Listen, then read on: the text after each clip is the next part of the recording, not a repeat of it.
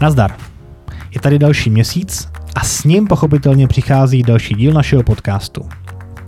Tentokrát to bude o spánku. Ale pozor, ne o tom u vás doma ve vaší posteli, nýbrž o tom v nemocnici na operačním sále. Díky anestezii můžou lékaři provádět bezbolestně na pacientech nejrůznější zákroky a operace. Tentokrát nás poctil návštěvou zkušený anesteziolog a intenzivista Jan Brudhans z Všeobecné fakultní nemocnice v Praze. V následujících minutách se dozvíte, proč nemůžeme před operací jíst, co dělá anestezie s lidským tělem, protože je to vlastně řízená otrava, a proč není dobrý nápad lhát svému lékaři, který vás uspává. Uspávání není jediná aktivita, kterou pan docent v nemocnici dělá. Naplno se také věnuje elektronizaci zdravotnictví, na které si vylámal zuby nejeden najťák. Při takto náročném programu a aktivitách je zapotřebí nutná dávka relaxace. Když budete poslouchat pozorně, dozvíte se, že pan doktor má velmi ojedinělé koníčky a aktivity i ve svém volném čase. Já vám přeji příjemný poslech, doufám, že se budete dobře bavit a třeba se něco nového dozvíte. Připravit, pozor, start.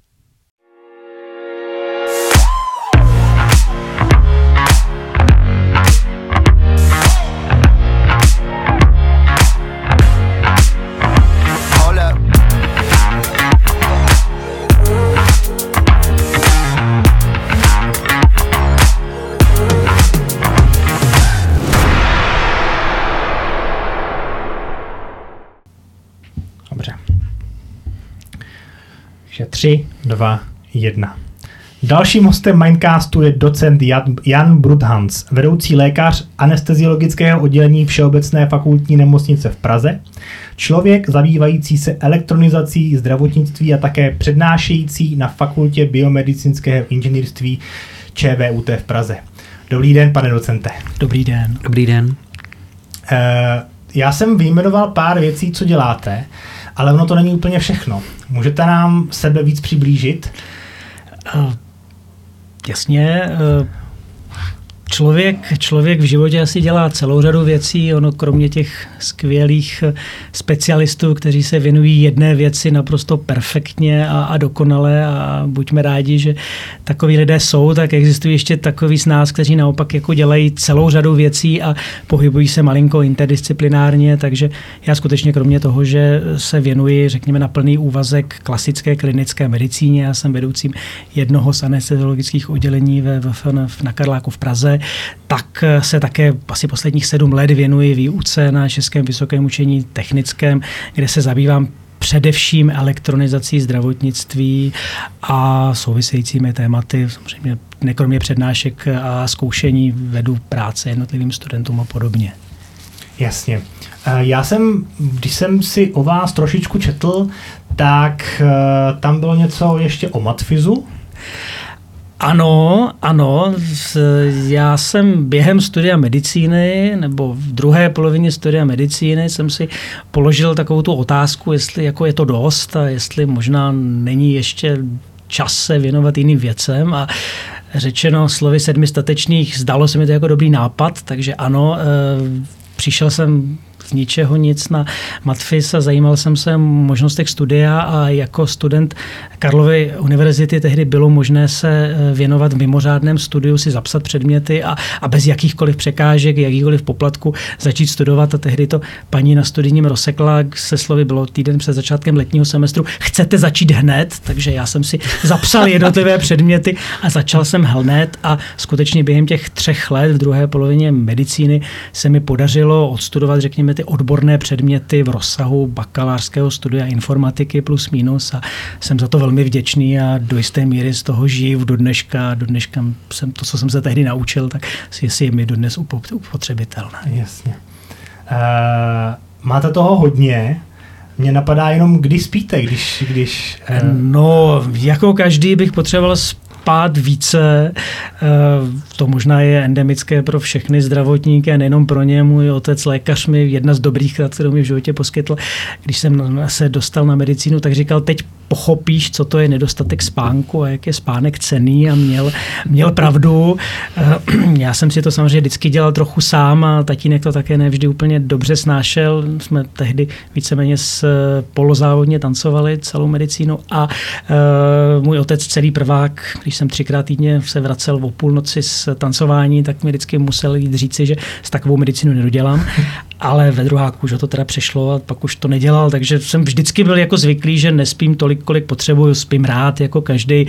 Na druhou stranu mám pocit, že jsem, nejsem zas tak výkonný, jako bych pít mohl, jako nerad se nudím a, a, a rád se někam posunuju, takže jako ten spánek sice je dobrý, ale je, je strašně fajn, když se člověk spíš něco dělá, co je užitečný. No.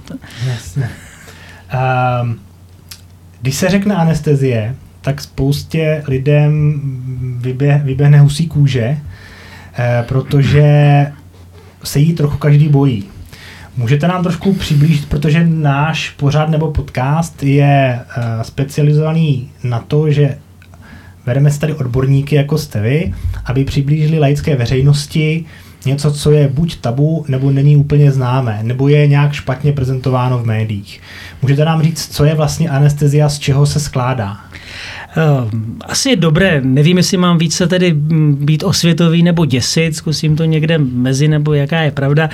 Asi je dobré říci, že anestezie není nic fyziologického. Pacient, který přijde a řekne chci spát a představuje si, že bude mít ten krásný spánek, jako by je doma v peřinách, tak bohužel nemá pravdu.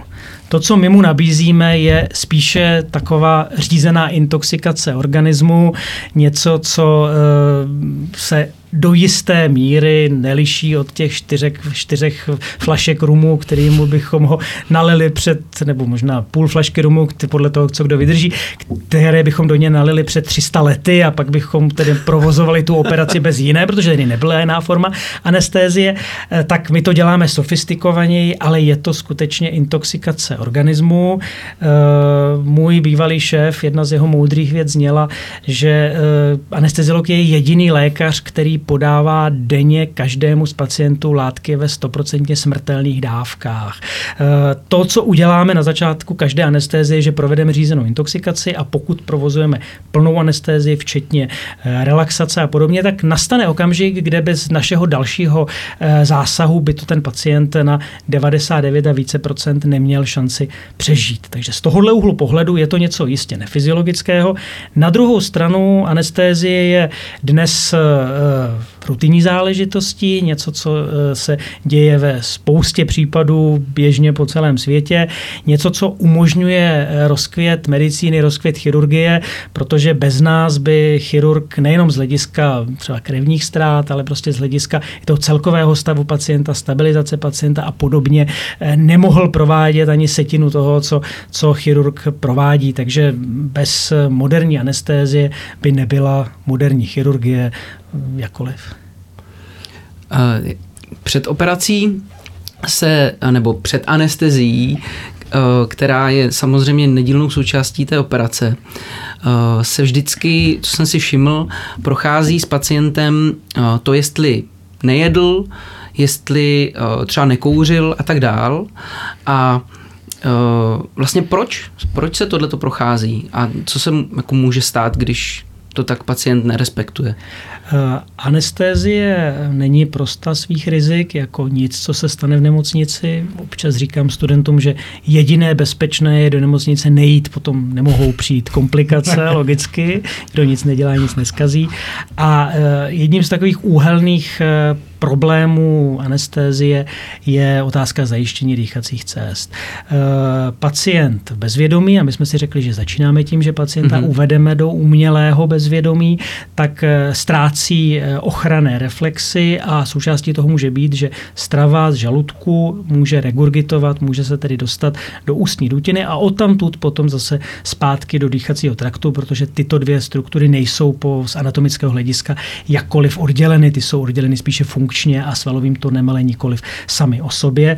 A e, žaludeční směs má, nebo vůbec žaludeční obsah má tu nepříjemnou vlastnost, že je poměrně prudce, prudce e, kyselý, prudce tedy jako, mm-hmm. je to pH je hodně nízké a e, to ty plíce zase nemají rády, takže tam pak může dojít e, obecně ke vzniku, ke vzniku e, pneumonie a procesů, které toho člověka mohou bezprostředně na životě ohrozit. Takže pro nás je důležité, kromě spousty dalších momentů, aby ten pacient, je-li to možné z hlediska třeba základní diagnózy a z hlediska odkladnosti operace, aby dvě hodiny před výkonem nepil a ideálně 6 hodin před výkonem nejedl žádnou pevnou stravu a nepil ani třeba džus, který už se považuje za v podstatě za pevnou stravu nebo káva.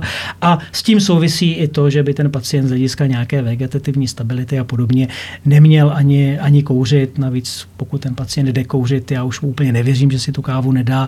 A i vše jiného, přiznejme si, lidé jsou různí a e, ne každý kuřák e, po té, co si zakouří, tak si třeba také ty zuby vyčistí. Že jo? Takže i toto nemus, není to už jistě nejdominantní argument, ale já si nemyslím, že jsme placeni za to, že budeme, budeme nuceni tedy čuchat to, co jak si tu známou značku, co si pacient rád kouří. Takže, takže takové ty um obhajoby pacientů, proč bych neměl jíst, když jdu na operaci s nohou, jsou jako nesmyslné. Ty protože... jsou naprosto nesmyslné. To, to vychází z toho, že každý jsme specialista na něco, my nemůžeme od pacientů očekávat, že budou specialisti na náš obor nebo na medicínu, vůbec oni nestudovali. A na druhou stranu měla by tam být nějaká bazální důvěra pacienta a ochota spolupracovat, protože ve všech oborech, vy když půjdete s autem do servisu a, a dozvíte se, že něco máte nebo nemáte, pokud se zachováte jinak, nemůžete očekávat, že výsledek bude dobrý. Pokud pacient se bude chovat proti našim doporučením, nemůže čekat, že výsledek bude dobrý. Naše nevýhoda je v tom, že my v tom máme ty lidské životy, takže i přesto, že pacient se třeba choval způsobem nevhodným, tak nás to úplně neexkulpuje od případných jaksi problémů a soudních pří třeba s pozůstalými. Chápu teda správně, že mm, vlastně e, to, co jste popsal, je, že e, v té anestezii to může uh, tomu pacientovi vyvolat zvracení a on to může jako vdechnout. To není úplně přesné. Ono v okamžiku, kdy už zajistíte dýchací mm-hmm. cesty, laicky řečeno taková ta trubička do krku, tedy do, do trachy, uh, zavádíte takovou trubičku s, na konci většinou s balonkem a tu pak připojíte ten dýchací přístroj a tím za pacienta dýcháte.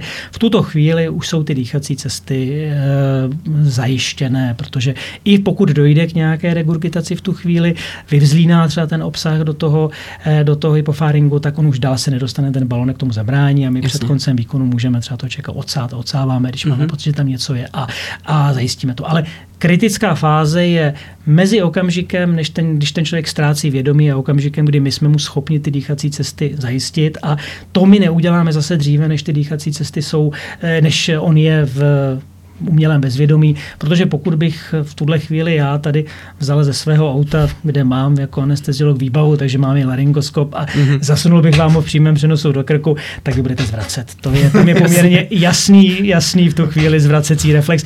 I když viděl jsem fotografii nějakého statečného kolegy, který to na sobě demonstroval, takže lidé jsou různě, někdo třeba ten zvracecí reflex nemá. No, často slýchám od svých eh, kamarádů nebo známých, ano, anesteziolog mě uspí, ale proč on potřebuje ten přístroj? Protože já, když spím, tak jsem schopen sám dýchat, nepotřebuji žádný přístroj. Proč u vás potřebují ty přístroje? To vychází, my potřebujeme už dneska více než jeden přístroj, my máme jako, byť to má třeba podobu jedné věže nebo jednoho zařízení, v češtině se tomu říká většinou vatra, což je zkrátka ještě chyraňáckých dob, kdy skutečně se ten nějaký venti, ventilační anesteziologický aparát, něco tak všichni jenom víme, říká se tomu vatra sedí u vatry, takový ten terminus technicus, co anesteziolog dělá v anestezii, to má většinou termín anesthesia workstation.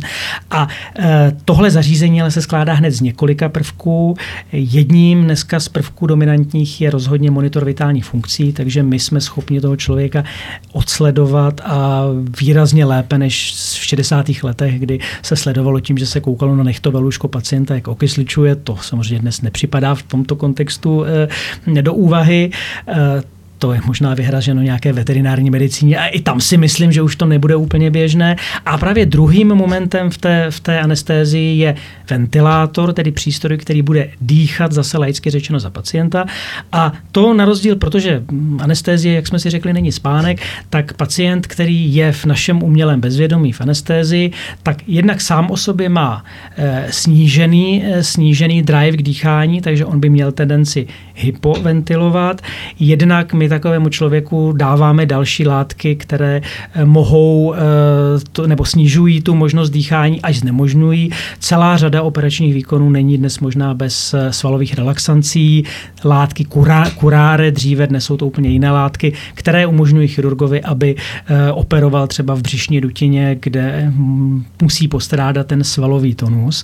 No a v neposlední řadě existují také operace, kde v podstatě my nebo chirurg, chirurg svým výkonem tomu pacientovi v tom přirozeném dýchání zabrání. Pokud dělá chirurg hrudní výkon a my jako oddělení, které já vedu, tak je součástí našeho portfolia i hrudní anestézie, tak chirurg, který třeba kvůli resekci plíce u těch kuřáků eh, otevře, otevře pohrudniční dutinu, tím způsobí pneumotorax, skolaps té plíce a v tu chvíli by ten pacient to ani nedokázal udýchat, kdyby v tu chvíli při vědomí byl. Takže to je celá řada důvodů, proč v té anestézi opravdu není spánek a proč my toto všechno musíme, musíme dělat. A netvrdím, že když anestézie začínala, začínala tedy někde kolem roku 1848, eh, tak eh, se to tehdy takto dělalo, tehdy se to dělalo velmi jednoduše, tehdy se to dělalo tedy v spontánní ventilaci, ne, že by existovala jiná metoda, neexistovala relaxancia, eh, dělalo se to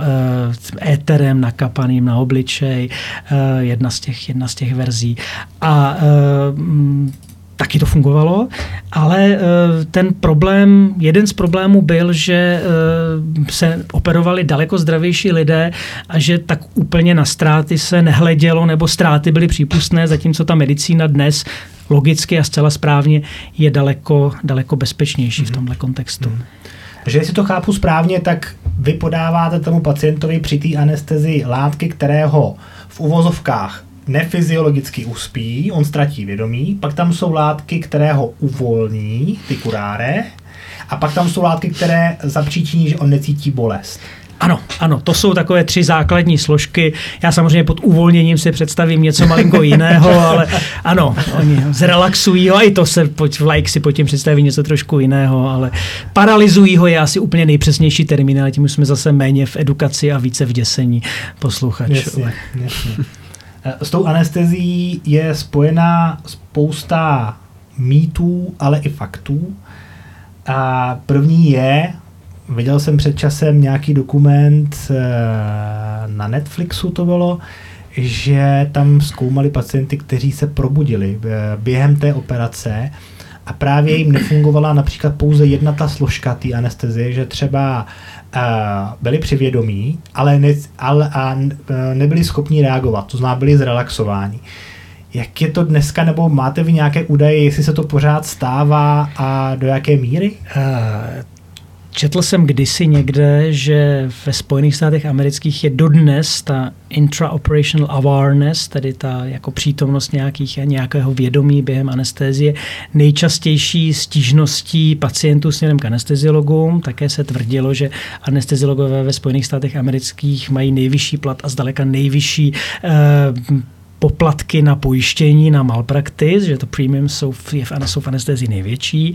Uh, nemyslím si, že se taková, že tyto klejmy se v České republice běžně objevují a myslím si, že s tím, jak se uh, stále, řekněme, zesložituje ta monitorace pacienta, takže tyto věci budou, budou snad uh, méně a méně představitelné. Takové ty skeči historky typu tahle a tahle v 70. letech při operaci v Alžíru tohle zažila, to jsem slyšel i já, ale bylo to takové v tom, v tom gardu. Jedna paní povídala, eh, já si troufám tvrdit, že už s tou základní úrovní monitorace, jako je EKG, jako je nepřímé měření eh, eh, arteriálního tlaku, jako, je, jako jsou pulzy, se tomuhle dokážeme docela slušně vyhnout, protože si nedodu představit, že pacient, který by třeba byl pouze, ano, tam ta opravdu nejhorší noční můra, kterou si dokážu představit, je pacient, který dostane plnou dávku těch relaxancí a nic jiného, nebo všechno hmm. ostatní vyprchá z nějakého důvodu a bude to bylo tam jenom ta relaxancia. A v takovém případě si dokážu představit, že ten člověk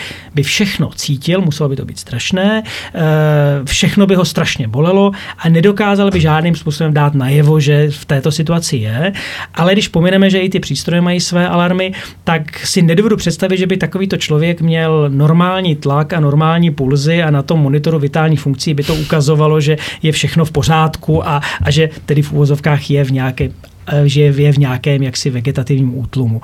A dneska navíc proti tomuhle, co už jako dneska je opravdu standardem, ale říkám v těch šedesátkách vlastně nic toho nebylo standardem, tak dneska nad to už máme ještě zase i modernější metody, jako je BIS, eh, který eh, zase pomocí speciálních elektrod, je to něco, co se zase zatím pomalu rozvíjí, protože není to drahý to koupit, problém českého zdravotnictví není nakoupit nový přístroj, to je docela snadné, ale je problém ty udržovací náklady na ten spotřební materiál a v okamžiku, okamžiku, kdy vám elektroda na BIS eh, stojí tolik, co půl hodina z anestézie, nebo za kterou byste, co byste dostali zaplaceno za půl hodinu anestézie, tak se to jakoby nerentuje, nebo to ještě si to neúplně každý může dovolit, ale věřím, že v budoucnosti budeme mít zase těch čísel v úvozovkách více, ale vždy zůstane nedílnou součástí i to sledování toho pacienta, takže hm, v okamžiku, kdy jako mám pocit, že ten pacient by byl opocený, neklidný, cokoliv, tak bych to měl být schopen řešit a to, že mám nějaká krásná čísla, mě rozhodně nespr- nezbavuje té nutnosti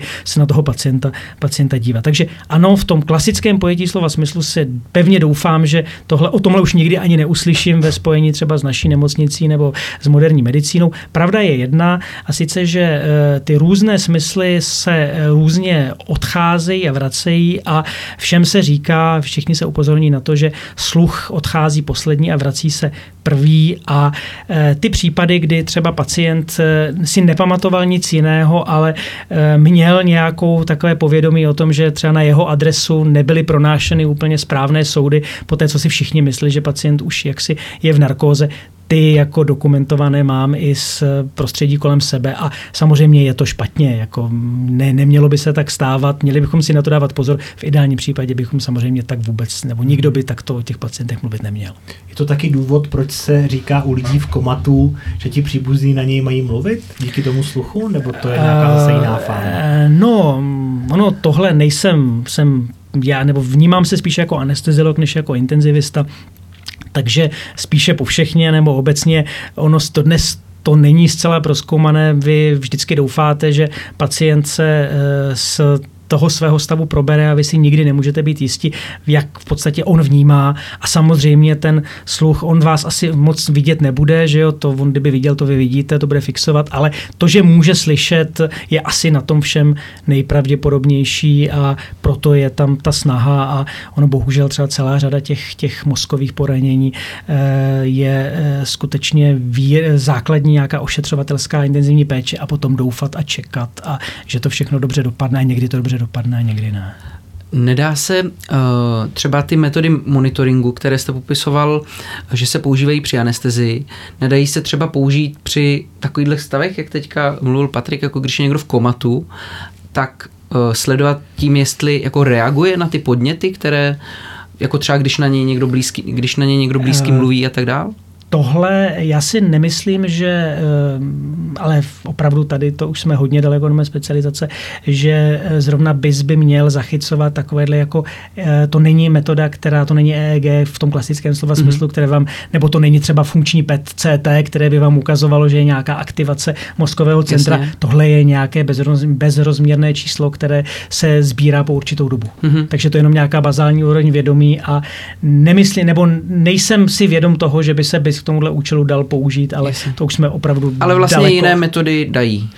Uh, tak uh, ono se zkouší lecos, ale hmm. na druhou stranu nevím, jak moc jsme úspěšní a on sice mm, Jamie Lannister říkával, že je lepší být bohatý mrzák než chudý mrzák ve hře o trůny, ale vezměte si Michaela Schumachera, že jo, hmm. jako jistě měl tu nejlepší péči, jistě má tu nejlepší péči a teď slibují nějaký film a já samozřejmě bych si strašně přál, aby jednou přijel na vozíčku a, a řekl čtyři souvislé věty, ale nějak si nedoufám, že v té, do této fázi se kdy dostane, byť věřím, že má všechny možnosti moderní medicíny, které hmm. jaksi existují. Ale je to taková hezká lekce, že a občas to vydáme, že e, pacienti, ne, ne ti obyčejní lidé, ale lidé, kteří třeba v životě hodně dokázali, jsou velmi úspěšní, jsou bohatí, e, dařilo se jim, na co sáhli jejich pílí, ne, že by vyhráli ve sportce, tak najednou z růzou zjišťují, že e, my jim nemáme co nabídnout a oni také proto nemají co udělat. Prostě v jeden okamžik,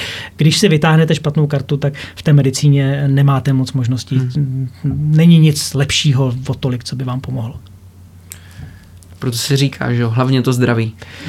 Uh, ano. Zdraví si za peníze nekoupíš. Ano, a tak já jsem, víte, ano, samozřejmě to zdraví, ale já jsem léta měl oblíbené přání, já jsem k Vánocům přál zdraví a peníze, zbytek přijde sám. A pak mě někdo říkal, hele, ale na Titaniku bylo zdravých a bohatých spousta, takže potřebujete všechno. Hmm, hmm, hmm, to je pravda. Eh, další fámou, já to spíš beru jako ze, ze svojí zkušenosti, když se bavím s přáteli, známými, je to, že spousta lidí má strach, že se z té anestezie neprobudí. Vůbec. Určitě vám to říkají pacienti, když než je uspáváte. Jaké, jaká tam jsou, samozřejmě exterika, rizika jsou pořád, ale jak velká jsou ty rizika? Uh, někdy říkám, že polovina pacientů se bojí, že neusne a druhá polovina se bojí, že se neprobudí. To jsou takové ty dva základní, základní klejmy u pacientů. Usne každý, po ta dávka se může lišit, když vám někdo připustí, že ve fabrice stáčí trichloroetylen, tak pak ta játra jsou nastimulovaná úplně jinak a ty dávky na uspání jsou úplně jiné.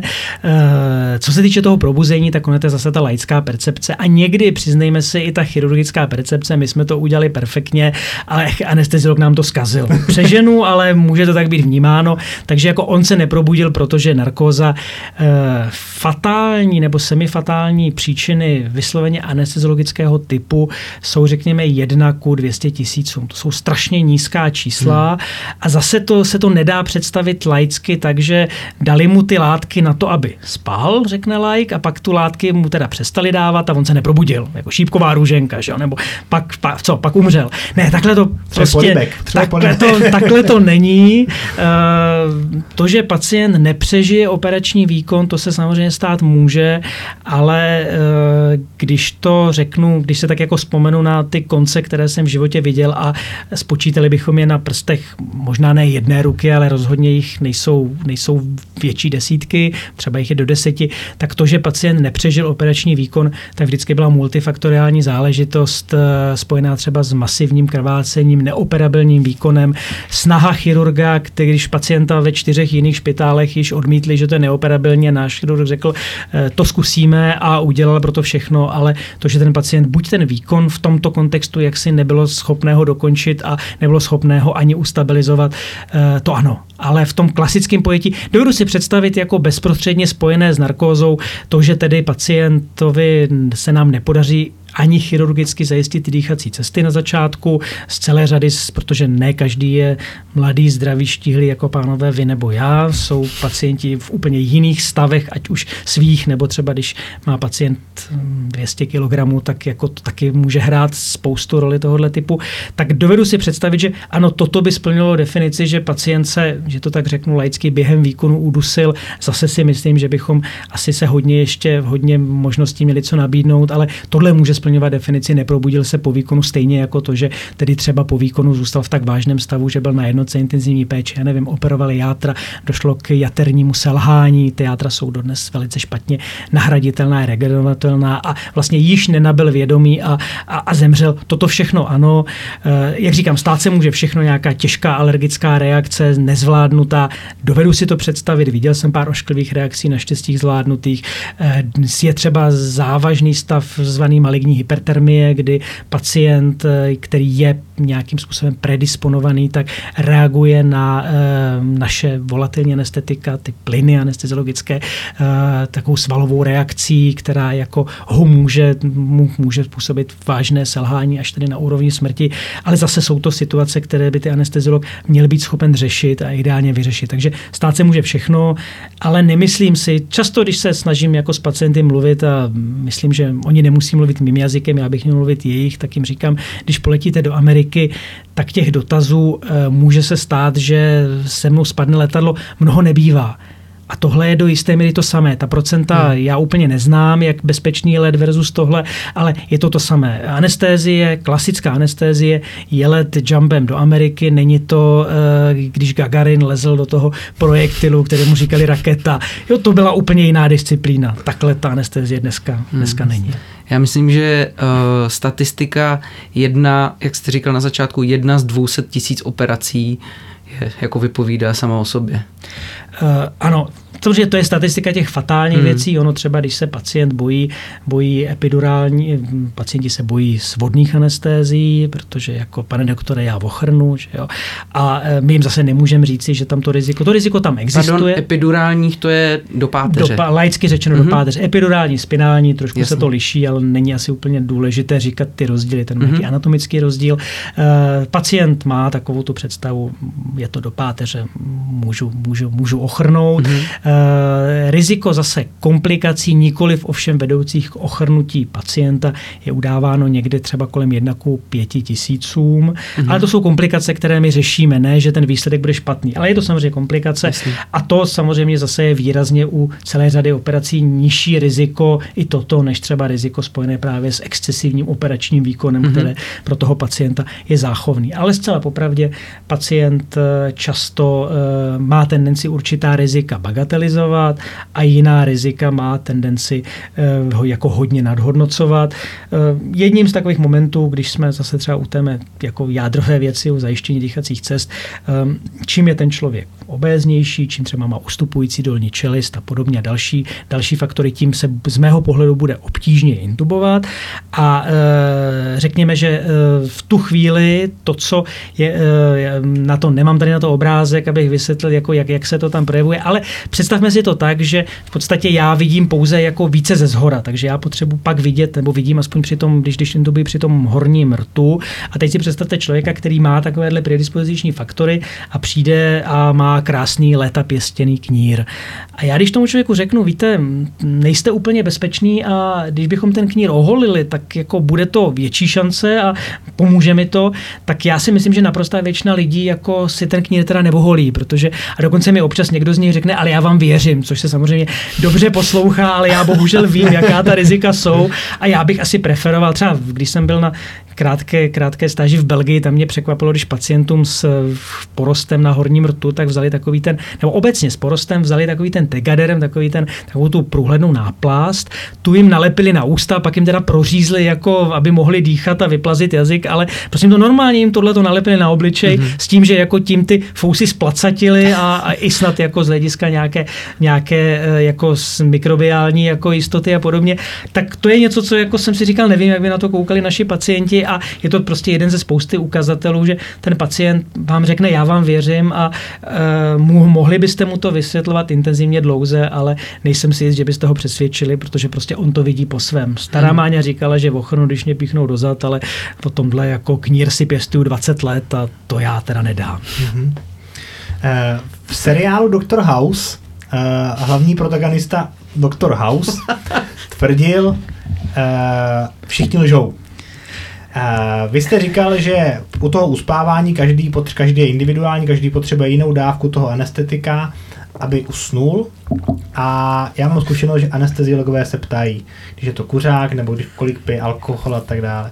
A zažil jsem několik případů, nebo byl jsem svědkem několika případů, že byl člověk, který řekl, že vůbec nepije, nekouří, ale potřeboval značnou dávku toho anestetika, aby vůbec přišel do toho bezvědomí nebo do té anestézie. Máte podobnou zkušenost, že pacienti lžou, nebo se to zlepšilo? Uh, nemyslím, já bych neřekl, že pacienti lžou, to asi ne, ale ano, někdy myslím, že pacienti nemluví pravdu, A e, zase si nemyslím, že, nebo nezažil jsem pacienta, který nemluvil pravdu, protože, e, řekněme, vymýšlel, jak jako nás doběhne. To jsem opravdu, takovou to zákeřnost si nepamatuju, že bych kdy zažil, ale mám prostě pocit, že lidé lžou i sami sobě, když se mm-hmm. to slovo lžou, tak proč by jako mluvili, nebo proč by to zveřejňovali jinde, že jo, a spousta žen si jako tvrdí, kolik váží, že jo, a když pak jako v eh, seřizovně lyží, eh,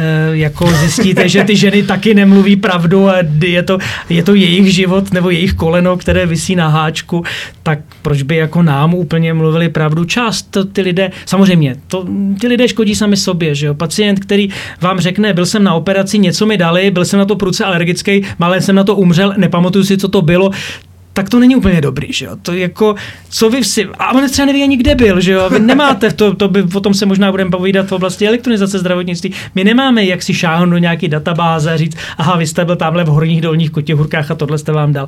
Tak tohle jako je dost nešťastný, ale co my s tím uděláme? Takže já si mm-hmm. nemyslím, že lidé jako a priori lžou. Já svým studentům tvrdím, že spíš jako ty lidé často e, můžou lékařům a studentům jako působit, že se chovají naprosto nelogicky a nesprávně, ale to je prostě tím, že oni nevystudovali medicínu. My ano a my si s tím musíme nějak poradit ideálně dobře a často to vyjde a, a to jsou pak jako takové ty veselé historky, jako když vám pacient připustí, že nejedl před výkonem, ale že vlastně ochutnával a vy se samozřejmě pídíte, co to znamená, že ochutnával, když ví, že nejedl a že dokonce je si vědom, že neměl jíst. Ukáže se, že v noci dělá kuchaře v cateringu předtím, než jde na extraci mm, osmiček, tak zubu moudrosti, tak samozřejmě šel do práce, proč by za mě dbal směnu a přece musel ochutnávat, když je ten kuchař, jak by to ne... A to přece je pochopí anesteziolog, ne, že ochutnával. No, pochopí, ale neuspí ho a nemyslím si, že ten pacient mě chtěl doběhnout. Nemyslím si, že pochopil samozřejmě to rácio. My se někdy, není asi úplně čas těm lidem to rácio vysvětlovat, snažíme se o to, ale zase ne vždy to ti lidé jsou ochotní a schopni, mm-hmm. schopni pochopit. Ale my si s tím musíme poradit, jako každý. Tak to vám, tohle vám nezávidím, no, tyhle to, protože máte nějakou zodpovědnost, jsou to kolikrát i vážné uh, operace, dlouhé operace, tak tohle vám nezávidím. Já se mě zajímám vždycky o extrémy, možná jsem takový jako šťoura. Vím, že operace může trvat od, v té celkové anestezii od 20 minut až po několik hodin. Jaká je největší maximální délka operace nebo eh, stavu, kdy pacient může být pod celkovou anestezí? Tohle číslo vám nikdo neřekne, protože neexistuje. Ona operace může trvat i desítky hodin, když pak jako, to jsou takové ty extrémy, které občas si přečteme na internetu, když eh, rozpojovali nějaká dvojčata nebo dělali nějaký jiný rozsáhlý neurochirurgický výkon, ty jsou poměrně rozsáhlý, nebo třeba někdy ty transplantace nebo nějaký takovýhle operace a ta už pak, jako my v té běžné praxi, co jako třeba děláme ve Všeobecné fakultní nemocnici, tak ty výkony, řekněme, jsou do těch jako nad 8 hodin je to netypické, nad 12 hodin je to extrémně netypické, nad 16 hodin si nevybavuji takový výkon a to je pak skutečně nějaká mikrochirurgie, třeba i u dětí s vrozenými vadami, protože ne každý má to štěstí, že se narodí zdraví a pak si to zdraví kazí. Někteří lidé mají tu strašnou smůlu, že se narodí hodně nemocní a ta, ta medicína jim se snaží pomoci a často to je velká kalvárie a ten výsledek nemusí být úplně optimální. Takže není nějaká maximální doba, ta doba by měla být co nejkratší, co je e, možná pro to, aby se ten výkon povedl. Je samozřejmě jednoznačné, že čím je ten člověk nemocnější, může to být i starší, ale to stáří není dneska ten hlavní faktor, nebo je to jeden z mnoha faktorů, ale čím ten, ten celkový stav pacienta je horší, tím on tu anestézi po čase hůře řekněme, mm, toleruje a hůře oběhově a podobně. Eh, a když to řeknu takto, v podstatě asi nakonec, kdyby jsme v té plné anestézi a v té plné operativě eh, pacienta drželi dříve či později, by to začal hůře tolerovat každý, akorát, že třeba velmi nemocný starý člověk to může hůře tolerovat po půl hodině, po hodině a ten mladík by možná zvládl i mnoho desítek hodin eh, takovéhle, takovéhleho výkonu. A ono na Margo toho je potřeba říci, že i ta intenzivní péče, která následuje třeba po celkové po operaci, kdy někdy ty výkony jsou takové, že toho pacienta musíte ponechat teda v nadále, v nadále sedovaného na umělé plicní ventilaci a do, do úrovně, že je teda zcela jaksi bez jakékoliv odpovědi, to je v podstatě do jisté míry extenze té anestézie a tam to může probíhat i dny, že jo, někdy i, někdy i týdny s takovým či onakým výsledkem. Teď to asi ta veřejnost více viděla třeba při covidu, kdy mm-hmm. to bylo daleko akcentovanější téma, Jasně. ale samozřejmě bylo to, je a bude v té intenzivní péči typické. Jak tady Patrik zmiňoval na začátku, tak vy se eh, věnujete také digitalizaci zdravotnictví. Co si pod tím mám představit? Čemu, čemu jako konkrétně se věnujete? Uh, já jsem, jsem, věnuji se tomu šíře, protože na mm-hmm. ČVUT přednáším předmět nemocniční informační systémy, takže povídáme si se studenty o tom, co třeba ty zdravotníci, ať v té nemocnici, nebo třeba i, ten, i v té lékárně, v laboratoři, praktik, co, jako, co v, tom, v té výpočetní technice má. Mm-hmm. Uh, věnuju se více, už v podstatě od do postgraduálního studia se věnuju uh, i otázce elektronických receptů, což byla ostatně i moje habilitační, primární habilitační téma, mm-hmm. takže v to e-recept nezná skoro každý a je to taková teď už bych řekl i docela hezky fungující vlajková loď české, českého zdravotnictví. Našli byste mé staré články, kde jsem se proti tomu dost vymezoval a nemyslím si, že jsem neměl pravdu a vlastně jsem rád, že dnes tu pravdu nemám, že jsme teda jako výrazně, výrazně dále. Eh, když to vememe ze široka, nebo možná vemu to ze dvou úhlů pohledu. Jeden úhel pohledu, když jsem nastínil ty nemocniční informační systémy, co si pod tím představit. Mm-hmm. Já vždy říkám studentům, co si pod tím nepředstavovat. To, že místo, aby pan doktor napsal vizitu na kusu papíru nebo naťukalý na psacím stroji značky Konzul, takže ji teda veme včerejší vizitu v počítači, zmáčkne známý dvojhmat všech studentů vysoké školy, přeháním kontrol C, kontrol V, kontrol cizí, kontrol vlastní. Z textu včerejšího kolegy je text dnešní, jako nechci říct, že to někdo používá ve svých, ve svých kvalifikačních pracech, chraň Bůh, eh, tak eh, uloží to a, a pak má text, který mu dal mnohem méně práce a ve kterým je spousta chyb ze včerejška. Toto není elektronizace zdravotnictví. Elektronizace zdravotnictví v tomhle kontextu je, že eh, my využijeme v tom, v čem, jsou, v čem je výpočetní technika dobrá a v čem jsme dobří my. Mm-hmm. Elektronizace zdravotnictví za našich životů asi nebude znamenat, že uh, vy přijedete do nemocnice, na obrazovce se objeví, má takovou makovou diagnózu, takhle zahajme léčbu. Tak si myslím, že ty počítače ještě za našich životů dobré nebudou.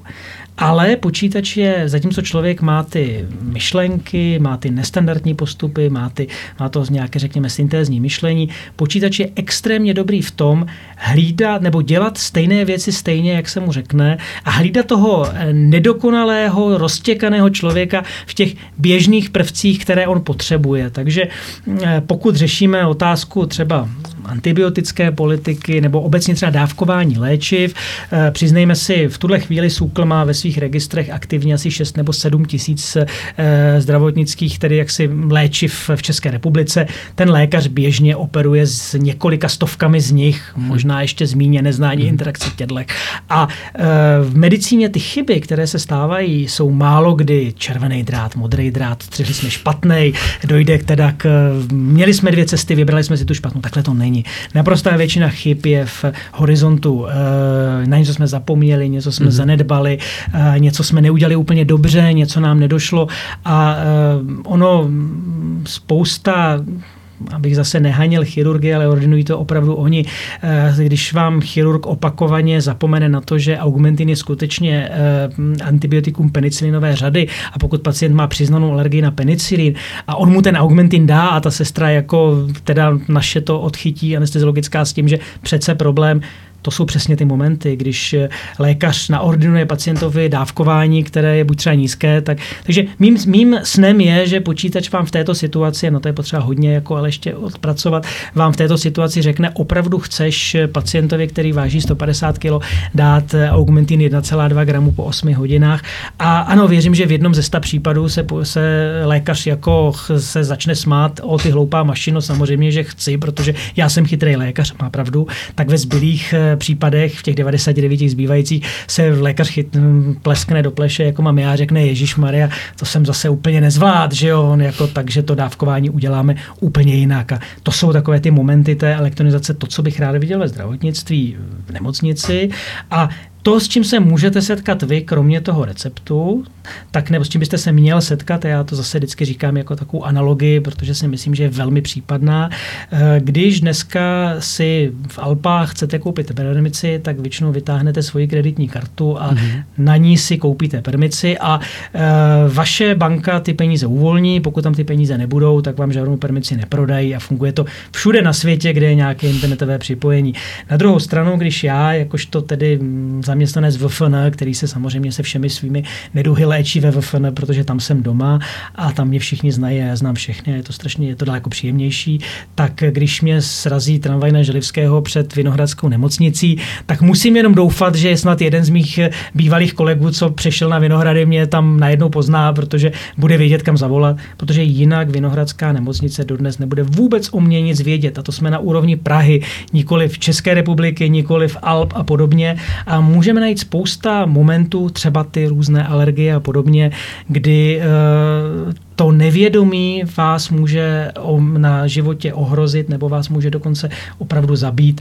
A e, opakem elektronizace zdravotnictví je pacient, který má na ruce náramek, které se píše jsem alergický na to a na tamto a to prosím v 21. století. Ten samý pacient nemá u e, pasu e, žox zlaťáky, aby mohl zaplatit za svoji permici. Takže moje představa elektronizace zdravotnictví snad třeba do deseti let, ale ono to taky nejde tak rychle, je, že opravdu my, eh, vaš, váš zdravotní stav eh, bude znám těm, kterým je potřeba ho znát v okamžiku, kdy tak bude, bude potřeba a eh, to samozřejmě tu péči zkvalitní, ale hlavně ji učiní bezpečnější, protože tyhle příčiny se stávají.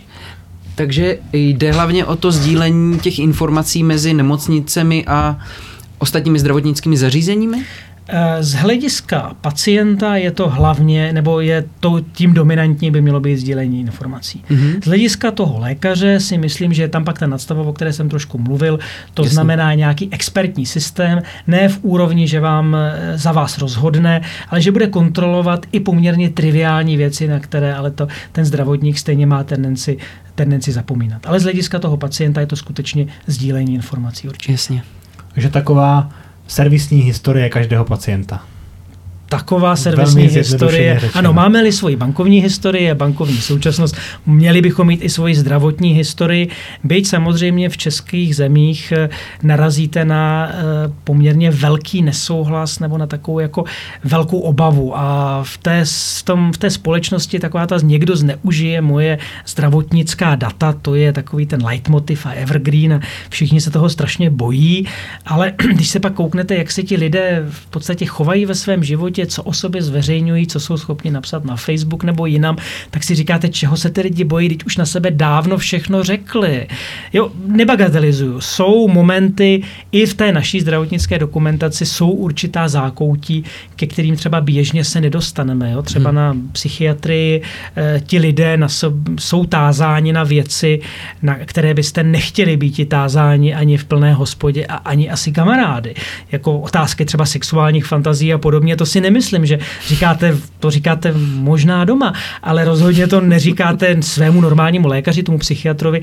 Oni se ptají, asi to potřebují, nejsem psychiatr, a tohle není běžný údaj. Takže ne, nejsem, ne, nehoruji za to, aby jako si každý dokázal vylistovat takovéhle údaje, vždycky to musí být v nějakých kategoriích a vždycky eh, ona, Evropská unie, nebo ten zase současný diskurs, já tomu říkám dost pejorativně politika gumového rohu. Musíme si počínat tak, aby nedošlo k chybě nedošlo k eh, zneužití, nedošlo k něčemu, ale jako systém se nedá udělat tak, aby nedošlo ke zneužití, nebo dá, ale pak nebude použitelný. Já to říkám jinak, eh, nechme ten systém použitelný, ale velmi důsledně sledujme, kdo do něj leze a samozřejmě trestejme exemplárně ty, kteří, kteří se snaží ta data zneužít. Je smutnou skutečností, že i v tom zdravotnickém zařízení, když tam leží nějaká známá osobnost, tak prostě je spousta lidí, která jako, které to zajímá A já jsem kdysi kolikrát říkal jako svému okolí a oni ode mě už to slyšeli, jsem říkal, lidi, za A to je proti nějaké naší etice, to prostě nás nemá. Až ten člověk bude u nás na sále, přečtem si o něj cokoliv, pak to bude náš pacient, ale leží-li, tvrdíte-li, že leží na interně, tak to není náš, není náš problém. A za B samozřejmě i ten náš systém dneska už umožňuje velmi dobře sledovat, eh, kdo kam, byť mám, nemáme úplně nejmodernější zatím informační systém nemocnici, ale umožňuje sledovat, kdo se kam na kterého pacienta koukl. A je zcela legitimní, aby takovýto lidé pak byli tázáni a exemplárně potrestáni, protože do toho nám nic není. Eh, to není náš biznis se zajímat o, o lidi, kteří nejsou našimi pacienty. Mohou se zajímat asi o rodinného příslušníka, vnímám jako legitimní, když mi někdo zavolá, moje maminka leží tamhle, mohl by se skouknout, to udělám, a, ale rozhodně, protože to beru takto, ale nikdy bych jako se nedíval ze zájmu na, na, na pacienta, který mi nepřísluší. Ale myslím, že by ta možnost tam měla být, protože pokud to omezíte opačně, pokud řeknete, ten systém bude mít páky, že se nekouknete, tak a to už se nám taky stalo, máme nějaké režimy jako skrýt pacienta, ale pak najednou je to váš pacient a pak najednou zjistíte, že ale k němu ta data nemáte. Takže mm-hmm. tohle je strašně dvousečný.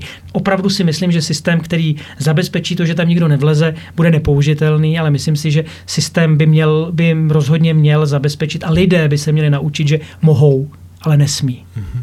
Jasně. V jaké fázi je to teď v České republice? Máme už něco vybudováno, to znamená, pokud já požádám nemocnici A, aby do nemocnice B zaslali moje údaje, funguje to, nebo jsme úplně na nule a musím spolehat na toho pacienta? No, já jsem, já jsem se setkal s tím, že uh, jsem, když jsem si zlomil nohu, tak v jedné nemocnici mi udělali rengen a když jsem potom po x letech šel k ortopedovi úplně jinam, tak ten si ten, ten, si ten můj rengen dokázal najít. Je to jako příklad takového funkčního uh, systému? Ano, ano. My máme dnes, do dnešní doby máme dva opravdu národní fungující systémy. Já myslím, že nemá jako uh-huh. smysl hovořit, ano, třeba pak i třeba záchranka, některé záchranky ve svém spádu dokážou nějakou emergentní informaci poskytnout nemocnici, ale to není celonárodní. Takže národní máme systémy dva, které, které fungují a to je jednak ten e-recept, kdy ano. e, dnes by se, byť se to ještě malinko rozvíjí, protože,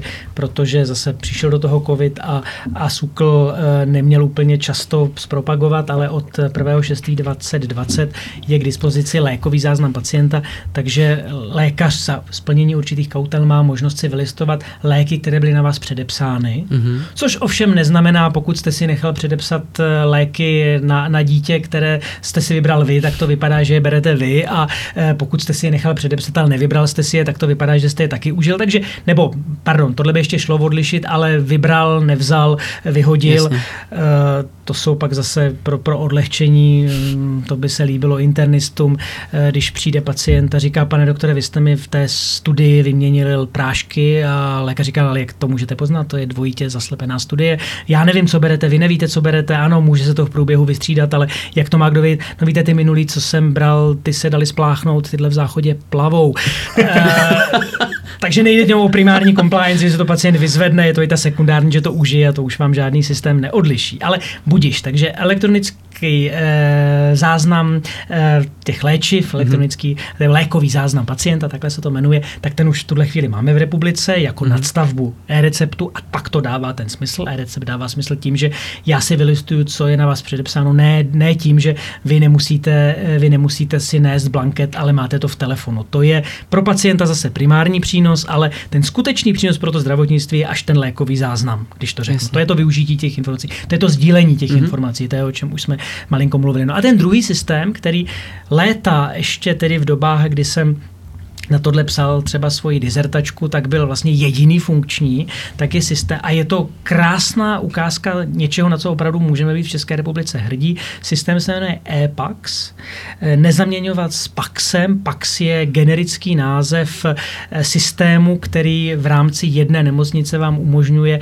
eh, dneska v rámci přímé digitalizace ty jednotlivé snímky mít někde na nějakém, řečeno, serveru, kouknout se na ně odkudkoliv z té nemocnice. To je PAX, má výrobce, ale existuje právě od firmy ICZ nadstavba EPAX, což je zaříze, což je systém, částečně hardwareově, částečně softwarově, který vám propojuje ty jednotlivé PAXy. A funguje to tak, že zatímco dříve byste by váš ortoped zavolal do té nemocnice, mm-hmm. ale vy mu musíte i dneska v rámci e-paxu mu musíte říct, kde jste byl, to on nedokáže zjistit.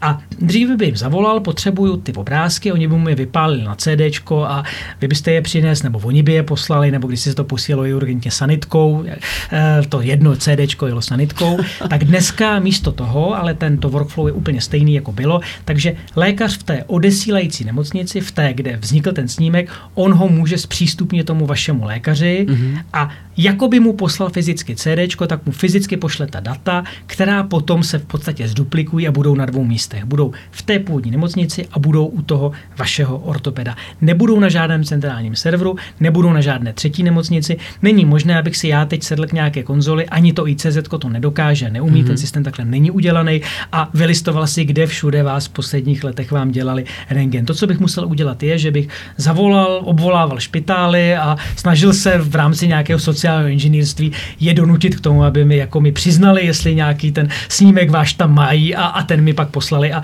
to si myslím, že jinak proč bych to dělal, ale hlavně si myslím, že to by asi brzo čuli zradu. Jo? Takže ten systém má hmm. svoje omezení, ale na druhou stranu tím, jak je, je to systém, který vznikl za malý podpory státu, byl velmi laciný, byla to úžasná soukromá aktivita jedné firmy, která to dělá jako takovou nadstavbu, co můžeme dělat lepšího pro to zdravotnictví. A je to něco, co eh, v podstatě v rámci i světa je velmi unikátní. A já jsem se snažil, ono problém, problém třeba toho, toho výzkumu v rámci, v rámci elektronizace zdravotnictví je, že ta data, ta živá data ve smyslu, co se kde používá, nejsou moc dostupná a moc se o tom jakoby v reálném času nepíše mm-hmm. a mhm. spíš se dočtete, co se používalo před deseti lety a to je jak pravěk pro tuhle disciplínu ale oni, eh, ale v podstatě existuje možná pár států na světě, kde mají něco podobného. Není to standardem. To, že v rámci celé, celého státu, a ne třeba jenom regionu, protože v regionech to bývá, to jsou třeba spádový v oblasti trauma center, mm-hmm. třeba v Americe, ale to, že v rámci celého státu my skutečně, pokud jako bude snímek v Ostravě, dostanu snímek z Ostravy, pokud budete mít snímek v Plzni, dostanu snímek v Plzni. A dokonce se dneska tenhle systém používá nejenom k tomu, k tomu jako ve vašem případě, ale umožňuje to i to, že pacient leží, eh, pacient leží v libereckém špitále, my jsme otázku, že jo, ECMA a mimotělního oběhu, toho, co se zase třeba v případě, v případě covidu hodně akcentovalo, tak to jsme měli a používali již léta předem. A byl jsem osobně u toho, kdy náš pan docent, eh, člověk machr na intenzivní péči, volali mu z, z Liberce s tím, že mají pacienta, který by asi ECMU potřeboval. A on, který neví, co je EPAX, nepotřebuje to vědět, řekl, dejte mi to do PAXu, což pro něj znamená, že se, že jako by pacienta poslal dolů na CT a měl obrázek, tak se mu tam za pět minut mirakulózně zjeví ten samý obrázek a on na základě tohohle na to koukal, říkal, jo, jasně, přivezte ho, nebo jo, mi jede, možná jeli, jeli nasetovat ECMO tam, abych nevlamoval. A, takže funguje to i takhle. Mm-hmm. A mhm. dokonce EPAX má dnes už i což jsem v rámci nějakého výzkumu dat vyšlo z toho a bylo to zajímavé zjištění, že na tohle to úplně vymyšlení nebylo, ale funguje to, funguje to i pro vzdálené telekonzultace, protože když si, když budete mít, ne my, my fakultka máme dneska CT 4, my jsme bohatý a rozlezlý špitál, ale dneska už má CT a snad možná do budoucna i magnet pomalu každý druhý okresní špitál, protože ono, každý se chce, nechci sahat politikům do svědomí, ale koupit, zadotovat CT a vyfotit se, že naše nemocnice má CT, to je před každými volbami jako velice hezké téma. Jenže pak přijde to procitnutí, eh, provozovat CT technologicky není úplně drahé, ale provozovat ho personálně v režimu 24-7, 365, tedy každý den, každý týden, v eh, každý, každý okamžik v roce, to vás stojí v reálu 5 eh, až 6 eh, lékařů, specialistů, radiologů, protože to jsou služby, to jsou dovolený, to jsou zástupy a opravdu to vychází na 5 až 6 lidí, to nejsou tři lidi. To, to nepostavíte na třech lidech. To, to teoreticky, když byste někoho donutil, ale zase už na to potřebujete EPAX nebo něco, aby sloužil z domova, no ale ono to pořádně nezaplatíte a na to se vám ty lidi taky vykašlou. Takže najednou jste ve velké personální nouzi. Ono, když mm, jeden z ministrů, nevím, oni se střídají tak rychle, že omlouvám se, nepamatuju, pamatuju si, který uh, plakal, že personální náklady nebo náklady, uh, ano, v oblasti personální v českém zdravotnictví už přesáhly 50% veškerých nákladů ve zdravotnictví a že to je neúnosné, ne, to je normální. Všude hmm. v Evropě je to normální a, a lepší už to nebude, takže ty lidi budou nakonec to nejdražší. A skutečně se ukazuje, že uh, pokud teda jste dostali jako malá nemocnice krásné nové CT, tak se vám možná vyplatí, abyste za nějaký bakšiš, protože těch CT v reálu uděláte ve službě pár, ale toho a toho a radiologického asi laboranta tam mít budete, toho zaplatíte a ten tam stejně byl už kvůli rengenu, ale najednou on teda natočí to CT a vy ho, eh, vy ho tím e-paxem pošlete do jiného nemo, jiný nemocnice, tam vám ho ten lékař, který je tam normálně popíše a pošle zpátky. A možná i když vy jako nemocnice zaplatíte poměrně rozsáhlý příspěvek, jako že to nemusí být za 10 korun, tak vlastně zjistíte, že při tom počtu CTček najednou jako možná můžete mít ty svoje tři radiology, který to tam jako nějak obslouží a nemusíte jich mít šest. A, takže tohle, já většinou říkám studentům, že elektronizace zdravotnictví peníze neušetří. Že to jenom přinese nové možnosti. Ale jsou tu momenty, kdy to v podstatě ušetří i peníze, ale, ale že ho neušetří, protože kdybyste, kdyby vám nedali to CT, tak jste nemuseli utrácet, takže zase přinese to možnost CT do vašeho místního hmm. víc, víc ten provoz prostě zefektivnit. Uh, ani, ano, o efektivitě se mluví, ale já myslím, že spíš jako ty nové možnosti, jo? protože když, když se hmm. bavíme se o to, že máte mobilní telefon dotykový, krásný, to, že máte doma internet, to, že, to, že eh, před sto lety se zaváděl proud, je to efektivita? Ne, jsou to ty nové možnosti.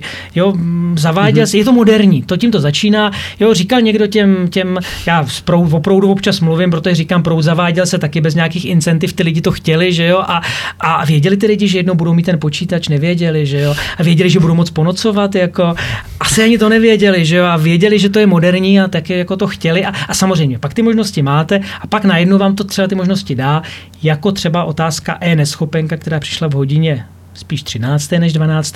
vám umožnila tu první vlnu pandemie přestát velmi kvalitně, mm-hmm. protože najednou tu byla.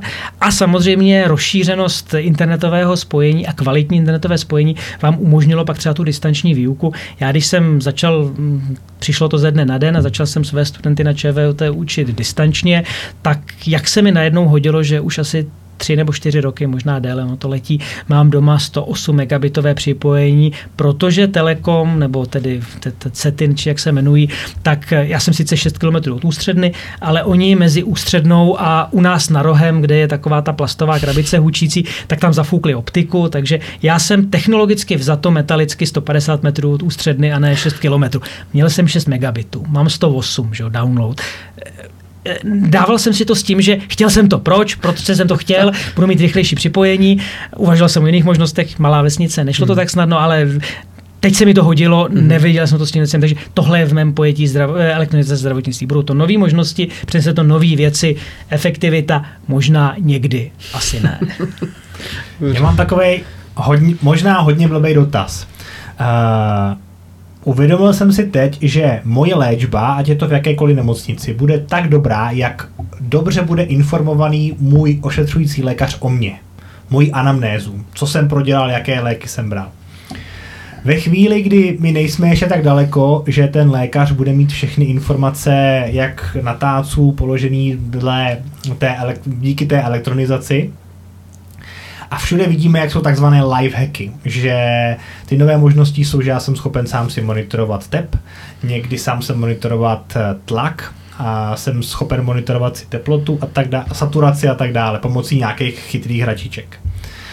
Nemělo by v dnešní době smysl, když lidi se uh, koukají, co jedí, uh, jestli, jestli se správně hýbají, nemělo by smysl se začít zajímat sám o sebe ve smyslu, co jsem já prodělal a zajímat se o to víc. To znamená, že když já přijdu za váma, vy mi budete uspávat a já budu vědět, budu to mít někde zaznamenáno, jaké nemoci jsem měl, co jsem bral, přesně v jaké množství.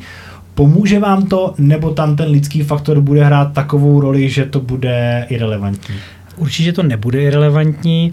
Já myslím, že člověk by se měl zajímat i o své zdraví a má než jedno a tu jeho personální historii částečně třeba zná váš praktický lékař, pokud mu nosíte ty třeba propouštěcí zprávy z nemocnice. Jsou různí praktičtí lékaři, skvělí i takoví, kteří jako úplně jako na to nedbají a úplně třeba to extenzo nerozepisují.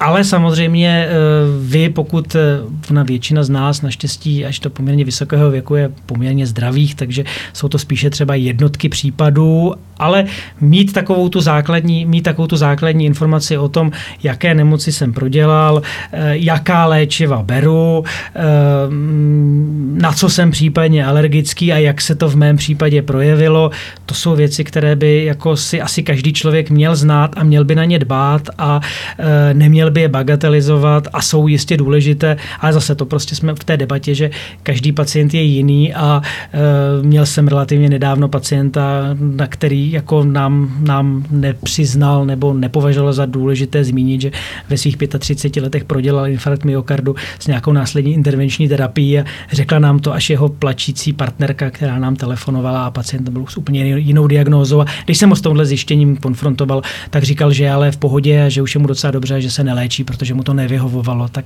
eh, každá, ano, péče bude, jsou spolupráce pacienta jak v té oblasti informovanosti, tak třeba v oblasti eh, plnění těch eh, rad nebo doporučení až příkazů zdravotníka je, eh, hraje, hraje velký faktor. Když bude pacient svému lékaři lhát, nemůže očekávat tak kvalitní, kvalitní výsledek, jako když mu bude mluvit pravdu.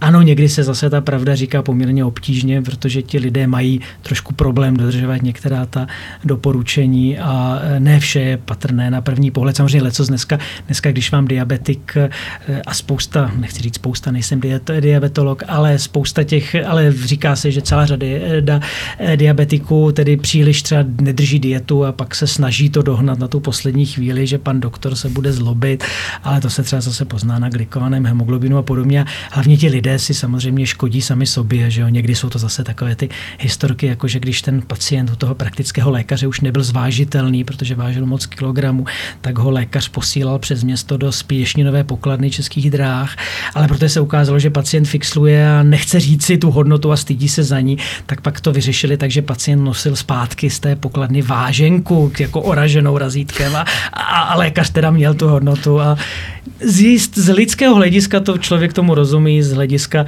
samozřejmě toho outcomeu té léčby je to často škoda.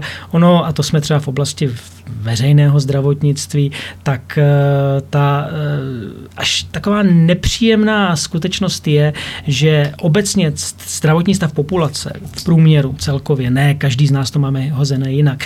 Když se narodíte s vrozenou vývojovou vadou, tak prostě to máte od začátku nějak. Ale průměrně se bere, že ty determinanty zdraví, že přes 60% za zdraví odpovídá životní styl, to, co jíme, to, jak se hýbeme, to, jestli jsme obézní nebo ne. Z 20% toho odpovídá ta úroveň toho zdravotnictví a z 20%, a zase může se to někdy, to je, ta literatura říká opět víc, opět míň, za to může právě to genetická nadstavba, ta rodinná nadstavba. Jo? Ale i kdybychom měli zdravotnictví nejlepší na celém světě, tak eh, stále je to těch 20% plus ta genetika, ale rozhodně eh, žádné zdravotnictví nedonutí obézního a nezařídí, aby obézní pacient zhubnul a žádné zdravotnictví nedokáže, nebo žádný třeba eh, ortoped, traumatolog nedokáže ty již dosloužilé klouby vyměnit za klouby lepší. Vždycky ta náhražka, kterou medicína umí vyrobit, je horší než to, co by si ten člověk třeba nebyl býval, byl zničil, pokud nemá nějakou zase genetickou nebo jinou rodinu na stavbu, kdyby mm, nebyl třeba velmi obézní. Eh, další dotaz, který mám, je uh, ohledně um, covidu nebo další vlny, protože mám, jsem měl pár úsměvných telefonátů. Já jsem kdysi prodával uh, umělou plicní ventilaci nebo přístroje pro umělou plicní ventilaci a ozvalo se mi pár kamarádů, kteří říkali, hele, četl jsem nějaký článek v zahraničí a oni doporučují, že máš peníze, že si máš koupit ventilátor domů. Že ti to může jako kdyby zachránit. Jiní mi volají a říkají, hele, potřeboval bych pulzní oximetr. Jo, to znamená přístroj, který měří eh, okysličení krve a říkají, že, že to mám měřit, když budu jako nemocný a když mi to klesne pod 90%, ta saturace kyslíku v krvi, že mám vyhledat lékaře. Můžeš mi něco takového sehnat? Je to správný postup nebo je to blbost? No, začneme od konce. Zase jsem mm, covidově, s covidovými pacienty jsem se samozřejmě setkal, nejsem, nejsem specializován na intenzivní péči a na to i u nás v nemocnici máme mnohem, mnohem větší odborníky, ale eh, když začnu od konce, saturační čidlo je něco, co stojí dneska pár korun, že jo? to je asi ta, ty, ty čínské mindraje jsou třeba za pětistovku si myslím. To je něco, co se asi doma nemusí ztratit a je to jako, tak jestli máme doma teploměr elektronický, tak bychom možná mohli mít i saturační čidlo a mohlo by se být i v jiných situacích. Uh, představa, že si doma budeme provozovat intenzivní péči ve smyslu, kdo není na ten uh, není intenzivní péče, neznamená připojil mě na ventilátor a já si tam jako, jako veselé se na něm vrtím. Uh, intenzivní péče je velmi složitá disciplína, kde každý má svoje místo a to není, to, to neznamená, že máte špičkového lékaře a to je všechno. Máte špičkové sestry, máte špičkové prostředí, máte i ten poslední v úvozovkách poslední sanitář je odborníkem na svém místě, který ví, co má dělat a, a ne, nejste první pacient, takže představa, jako že poskytnete manželce crash kurz, jako nevím, kdo vás teda přijede zaintubovat a pak jako maška tady to nastav a pak to zase odpoj, to je hezké. Ne, pardon, oni mysleli neinvazivní plicní ventilace. Uh, no, ona neinvazivní plicní ventilace není o tolik jednodušší na obsluhu, než ta invazivní. Jo, to, jako, kdyby vám říkali, chci mít doma flašku, ale byste asi museli mít jako hodně flašek. On zase tenhle přístroj bude potřebovat ne klasický vzduch, ale spíš kyslík, takže tam ta frakce musí být vyšší, takže jako a, a asi kyslíkový bomby je pak neseženete, museli byste mít koncentrátor, no tak věřím, že jako blahé paměti, blahé paměti Kellnera asi něco třeba takového doma měl a vidíte, lítal vrtulníkem, takže není to zase, jako nevždy vám to, třeba, třeba to nevěděl, třeba měl, jako nedovedu si to představit. Uh, myslím si, že vždycky ten život má určitý prvek nejistoty. Uh, moje soukromá, soukromý názor zní, že jestli je něco kromě, kromě možná očkování, nevím, ale očkovaný jsem a, a e, považuji to za racionální, byť rozumím třeba lidem, kteří to tak nevidí, e, je, třeba kvůli jejich zdravotnímu stavu, tak jestli něco se mi zdálo, že je trošku game changer, jsou takové ty specifické protilátky, ta bamla a další, které, protože ono tam došlo, aspoň takhle jsem to cítil, já myslím, nejsem sám, že na začátku e, ministr a všichni další říkali, zůstaňte doma, než vám bude, než jako budete lapat po dechu a pak si zavolíte záchranku, ale pak se to rychle změnilo do úrovně okamžiku, kdy jako jste covid pozitivní, je potřeba intervenovat.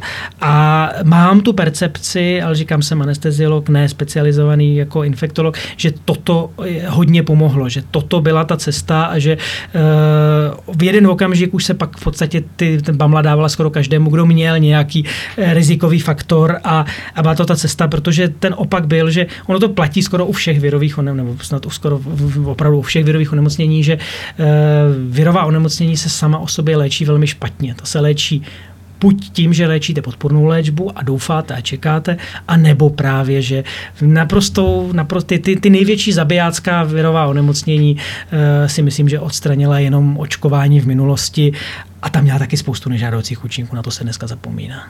To znamená, ale když bych chtěl být klidný, koupím si ten půzní oximetr domů a v případě, když budu mít uh, uh, příznaky covidu a vyjde mi v testy, že jsem pozitivní, budu si monitorovat tu saturaci krve, tak neudělám nic špatně. No tak já si myslím, že pokud se obávám jakéhokoliv onemocnění tohohle typu, tak když to přeženu, začnu tím, že e, trošku pořeším svůj jídelníček, přestanu kouřit, přestanu e, pít alkohol nebo v míře větší než malé, e, zkusím zhubnout někam směrem k ideální hmotnosti. Tohle je to první, čím začnu a myslím si, že neudělám chybu. Jo? Tím jsem na těch 60%, tím bych začal, ale je to mnohem složitější, než koupit si ten pulzní oximetr, ano. to je a to pravda. Ale je nudáš, jo? ale když mám něco, co mi ukazuje, tak je to lepší. Ještě když to bude v akci, tak Čech ještě bude víc rád, že si to koupil. Ano, tak jako mm, i výrobci musí být z něčeho živit, takže jako jistě si můžete saturační čidlo koupit, ale myslím si, že pokud mám obavy o své, pokud chci být dlouho živ, což samozřejmě mohu mít smůlu, někdy to prostě vyjde blbě a, a nedokážu s tím nic udělat, ale pokud chci jako být dlouho živ a nebát se celé řady onemocnění, včetně covidu, tak, anebo chřipky, která taky zabíjí docela úspěšně, tak asi v prvé řadě bych měl zapracovat na životním stylu a třeba bych, a teď zase umyslně nemluvím, nemluvím o covidu, ale měl bych zvážit, jestli jsou choroby, proti kterým se, se jako očkovat, neočkovat. Že jsou další věci, které trošku jsou pod radarem společnosti. Vezměte si třeba jako klíšťovou boreliózu, že mm-hmm. z toho jsou ty, někdy ty výsledky taky dost jako invalidizující a o tom se jako moc nemluví. Ne, ne, nesrovnávám to, ale je to tak. Prostě je se čeho. Život není bezpečný a víme, že dopadne špatně. U mhm. každého z nás. Hmm. Vy pracujete na oddělení ARO, což je anesteziologicko-resuscitační oddělení. Tu anestezii jsme nějak víceméně probrali. To druhé slovičko tam je resuscitace. A uh, já se chci zeptat na pár věcí ohledně toho. První věc je, Eh, protože jak jsem říkal na úvod, snažíme se buď potvrdit nebo vyvracet některé fakta a mýty, které lidi vidí v televizi. A jedno z toho je v oblasti resuscitace, kde v mnoha seriálech ohledně zdravotnictví je vidět, že přijede pacient a má náramek, který říká neresuscitovat toho pacienta. Je to u nás taky běžný v České republice, že vydáte pacienty, kteří mají tyto náramky nebo nějakým způsobem vám dají vědět, že nechtějí být resuscitováni? Uh, já teda nejsem úplně divák seriálu, což vychází z toho, že přes, přes 15 let nemám vlastní televizi a všichni mi říkají, že o nic nepřicházím, tak nevím, proč jí mají oni, ale pár seriálů třeba na internetu a podobně jsem viděl, nebo odlesku jsem viděl, takže ta, myslím, že ta realita je, je hodně, hodně vzborcená a, a ta realita pak ve skutečnosti je hodně jiná. Ale na druhou stranu je pravda, že e, takové to sdělené přání pacienta, ta vůle toho pacienta o sobě rozhodnout je podle evropských i našich předpisů dnes nadřazená, e, řekněme, rozhodnutí lékaře, pakliže je učiněna dobrovolně, svobodně a dostatečně prokazatelně. Takže to, že pacient přijede s náramkem, to si nemyslím, že by bylo pro mě dostatečné a rozhodující, protože to nemá právě vypovědající schopnost. To, že pacient v jiných situacích, ale ve spojené se zdravotní péči, kvalifikovaně podá rozhodnutí, se kterým já jako lékař nemusím souhlasit, ale je kvalifikované a je dostatečně hodnověrné, tak to já musím respektovat. Takže ne, pacienti s, nejezdí k nám s, zrovna s náramky neresuscitovat, ale třeba, ale třeba světkové Jehovovi, kteří od odmítají eh, v různé podobě krevní deriváty, mm. s těmi se setkáváme a eh, s těmi, jak si eh, mluvíme a je v nějaké míře respektujeme. Není to tedy odpověď na vaši otázku. V resuscitaci to, že mm, pacient je u pacienta rozhodnuto, že nebude resuscitován. To se třeba děje u pacientů a je to spíše rozhodnutí lékaře, ošetřujícího lékaře v okamžiku, že ten pacient je hospitalizován v nějakém vážném stavu nebo jeho prognoza není dobrá, což neznamená, že nebude léčen, ale že pokud třeba dojde tedy k zástavě, tak už nebude ten život prodlužován, tak takové věci se v nemocnici běžně dějí, ale co se těch sdělených přání, eh, dovedu, to, to zažíváme. A samozřejmě dovedu si představit, že pokud by pacient ale mm, i při té neexistenci eh, to, té elektronizace to se to špatně, protože v tu chvíli není čas úplně zjišťovat. Ale dovedu si představit, nebo pevně věřím, že pokud by záchranka přijela k pacientovi domů, třeba k resuscitaci a přišla pacientová manželka a předložila jim notářský záznam, jako nebo na checkpointu za 30 korun e, ověřené, že tedy pacient eh, odmítá resuscitovat, intubovat, protože, protože e, být já na místě těch lékařů bych to respektoval, respektoval a pevně věřím, že by, nebo můj názor je, že by to měli respektovat i oni, protože je to dostatečné a je to, je to prostě, je to, tak je to dnes nastaveno a pacient si o sobě rozhoduje sám a je to tak jakoby správné. Jo, když se, já jsem asi poslední seriál z lékařského prostředí, který jsem viděl celý, tak to byla, eh, a dělal jsem to z důvodu své jaksi edukace, abych jako věděl, o čem se mluví, tak jsem si přiznávám prohlédl celou nemocnici na kraji města a dodnes nerozumím tomu, Proč to byl tehdy tak oblíbený seriál? Protože z mého pohledu to byla spíš snužka odstrašujících způsobů, jak se medicína, vedení lidí, eh, přístup k podřízeným, ale také k pacientům, jak se dělat nemá. Že jo? Tam doktor Strossmayer, co si tak vybavu, říká nějakému pacientovi, co bych ti vykládal, ty tomu stejně nerozumíš. Tak pacientům nevyk- netýkáme, když jim není pět let a rozhodně mu nebudu říkat, že tomu nerozumí, co bych mu vykládal. O toho tam jsem, abych mu řekl, eh, aby to on pochopil, že? když jenom hmm. trochu se mnou chce mluvit.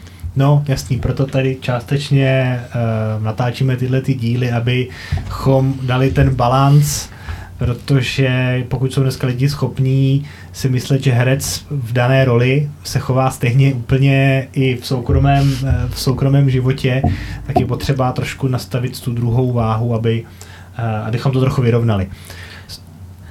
Já se zeptám ještě k tady tomu tématu. Vy přednášíte i na téma první pomoc.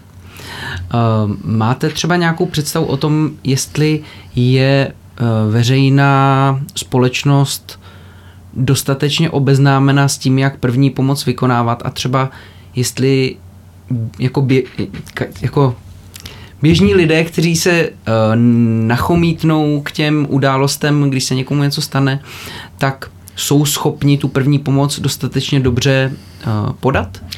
Já dokonce nahrál jste mi trochu na smeč, to bude trošku střelba do vlastních řád. Já musím připustit, že i celá řada lékařů, jiných specializací a nejenom tedy lékařů třeba, kteří se nevěnují klinické medicíně, mm-hmm. tak eh, si v tomhle, kdybych jim sáhl do svědomí, nejsou jisti. Mm-hmm. Jedním z takových jako hezkých benefitů mého oboru anestézie je, že když to řeknu hloupě, já se v terénu poskytování první pomoci opravdu nebojím, protože se není čeho bát a je to do jisté míry můj denní chleba vědět jak a už jsem to párkrát dělal a do jisté míry je to extenze intenzivní péče nebo anestézie, ale spousta těch specializací, tohle samozřejmě ten like neví. Uh, poučený like to vědět může, když jsem se vracel na kraji nebo ještě před začátkem covidové epidemie z nějaké stáže ve Spojených státech amerických, tak krátce poté, co jsme opustili eh, pevninu kanadskou a zamířili jsme nad oceán, nad Atlantik směrem do Evropu, tak se na palubě toho už docela poloprázdného jamba Lufthansa rozpustil takový jako, a bylo, bylo po půlnoci bostonského času, eh, rozpoutal takový jako relativně ruch a začaly tam letušky pochodovat s kyslíkovou lahví a podobně, což mě jakožto anesteziologa vedlo k tomu, že jsem si šel kouknout, co se děje, protože mě to přišlo teda, že se asi nejde něco normálního. A skutečně tam byla pacientka v nějakém takovém jako částečném bezvědomí. Eh, spoiler alert, nakonec to nebylo zásadně úplně, jako nešlo o život a vše dobře dopadlo, ale já když jsem přišel za těmi letuškami a říkal jsem jako guten Abend a jestli vám mohu pomoci, jako ich a ona říká, a ta letuška se zareagovala naprosto krásně a říkala, Was für einen, Herr Doktor? Co jste za specializaci? A když jsem říkal not arzt, tak se rozstála a věděla, že ano, to je ten správný lékař, který určitě pomůže, ale ona to školení měla a věděla, že kdybych řekl, že jsem jako, že já teď nechci nikoho pomluvit, ale řekl, že jsem biochemik, že jo, nebo že jsem jako vel, velký, to, já už jsem říkal, že jsem arzt, takže to by nebylo, ale že jsem úředník z ministerstva, jsem přece arzt, tak by asi tak veselá nebyla po mm-hmm. právu. Takže i ty lékařské specializace si v tomhle nejsou si všechny jako úplně rovny, což já se nevyvyšuji, jenom konstatuji stav a dneska samozřejmě ta další generace mezi našimi studenty medicíny patří mezi nej, nejoblíbe, zdaleka nejoblíbenější volitelné předměty právě první pomoc a simulační první pomoc, takže ta mladá mm. generace vnímá, že to, je, že to je záležitost, kterou je potřeba umět, protože to ta veřejnost na nás očekává od každého lékaře. Že jo? Mm. Veřejnost se neptá, co sej zač, veřejnost, ty jsi lékař, ty mi pomůžeš.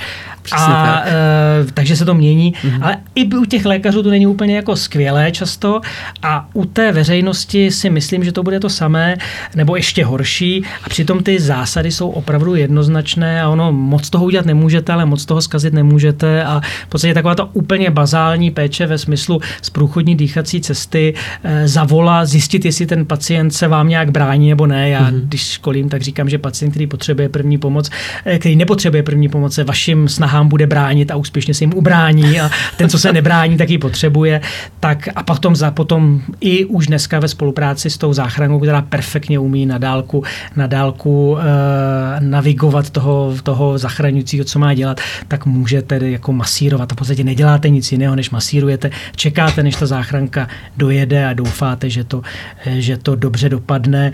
A pak je ten opak a to zase Eh, bohužel je ten odstrašující příklad, co nikdy nedělat, mm-hmm. že jo.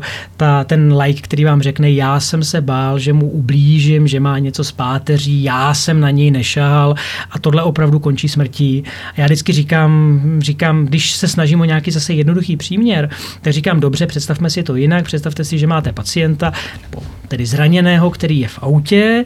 Eh, vy víte, neptejte se mě, jak víte, ale víte, že jestli s ním hnete o milimetr, že, že zůstane na vozíku, že teď jako, že když s ním nehnete o milimetr, že, že nebude na vozíku, ale teď vy taky víte, že to auto za 120 sekund exploduje. Vytáhnete ho z toho auta nebo ho tam necháte, že jo? Co je horší, na vozíku nebo že, jako, nebo že se v tom, že se v tom autě jak si uškvaří. A tohle je vlastně to samé. Vy hmm. si můžete být jistí, že pokud mu nepomůžete, pokud ho nesprůchodníte dýchací cesty, tak umře.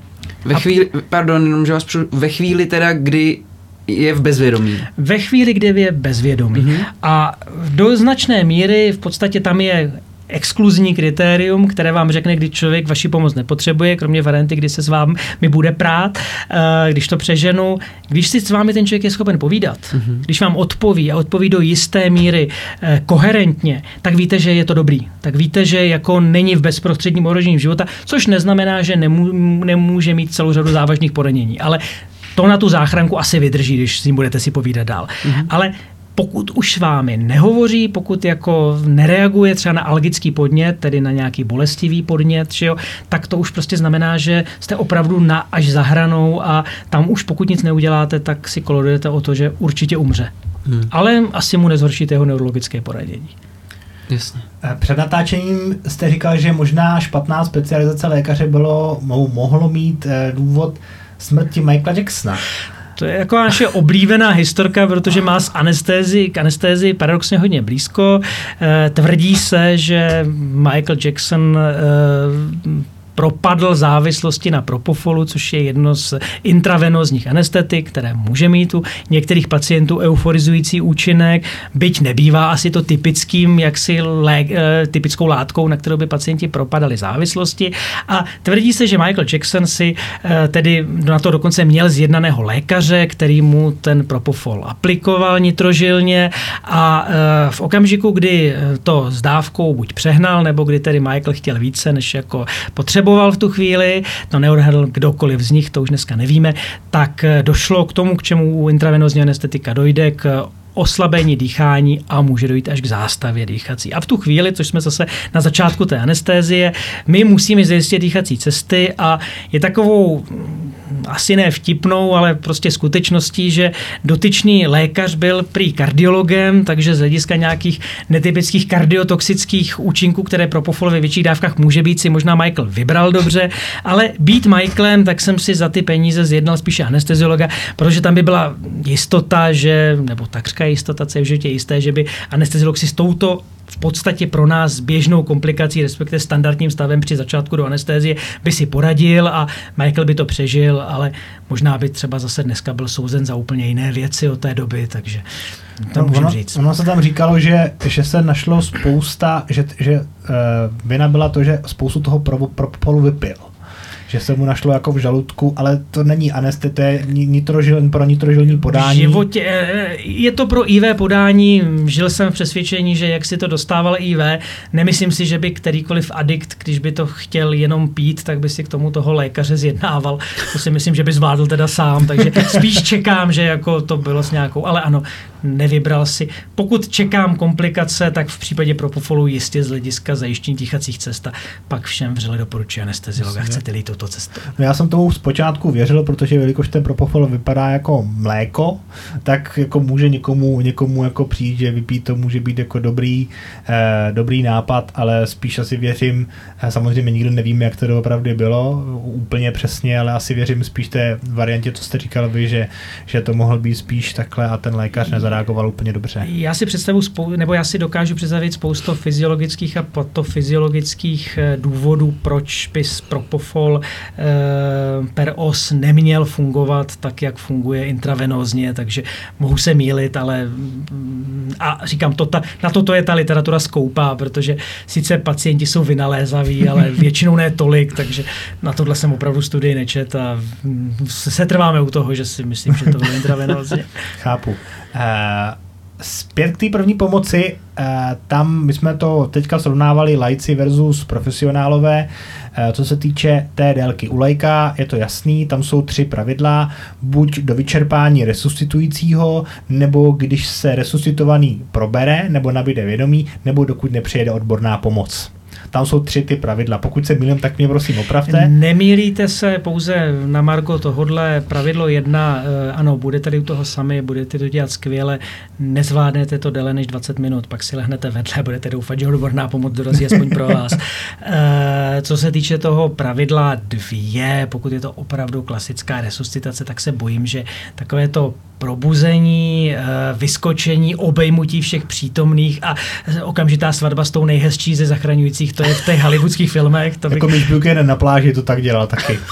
Asi no, tak jako tak... Umělé dýchání do polipku se přeneslo. uh, jo, tak bohužel, ono, přiznejme si, přiznejme si, že, že pak často, často ta realita je v celé řadě, že taky většinou ne, první pomoc nepotřebují ty v nadné, krásné, zdravé mladé ženy, ale úplně jiné skupiny pacientů, když bych to řekl ošklivě. Takže tohle druhý taky mocné, to třetí samozřejmě ano. A zrovna na území České republiky, kde jsme jako, ano, taky ne všude, když se, když se vám podaří se, se havarovat v autě někde na přelomu okresu, tak uh, počítejte prosím s dojezdovým časem záchranky 20 minut, protože ona to k vám má 20 km nebo přes 20 km a oni neletějí. Že jo? I, ten, I tu vrtuli, než zvednete, tak bude trvat a ta nepřistává většinou jako první, kromě mimořádných situací. Takže prostě tě, tam, tam bohužel jako ten dojezd je takový v tom městě, je to v Praze, je to skvělý, že jo, 8 minut, 10 minut, my to tu máme. Samozřejmě je celá řada zemí, a to se nemusíme být o, o Africe, ale ono třeba i v těch Spojených státech jsou taková místa, kde ty dojezdové časy jsou taky mnohem, mnohem horší. Jo. Žijeme hmm. i v tomhle kontextu ve velkém luxusu. Takže takhle je to, ano, u lajků všechny tři možnosti, ale, ale buďme rádi, že u nás to třeba bude ta první pomoc. Která jak, je to, jak je to u profesionálů? Jak dlouho jsou limity u těch profesionálů? To znamená u lékařů, anesteziologů nebo, na, nebo intenzivní, na intenzivní medicíně?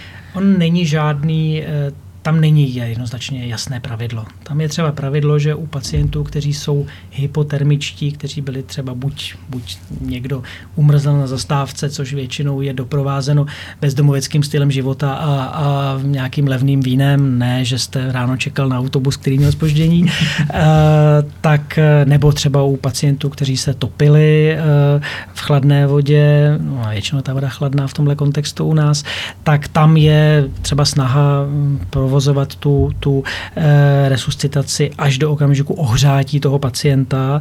E, zase u perspek špatně řečeno, ale u pacientů, kteří mají třeba nějakou jednoznačnou příčinu nebo kteří jsou jaksi vnímáni jinak jako perspektivní a mladí a mají skutečně jednu příčinu, tak třeba dnes i v těch, pokud se to vám, vám to podaří, že to je ve zdravotnickém zařízení nebo že se tam rychle dostanete, tak je zase třeba snaha dneska použít ten mimotělní oběh ECMO na, na uh, bridging a, a pak se uvidí, co dál, i třeba po nějakém masivním infarktu myokardu, uh, ale jinak uh, takový ten úzus třeba říká 30 minut, pokud nemáte 30 minut jakoukoliv elektrickou aktivitu srdce, tak uh, většinou se to staví.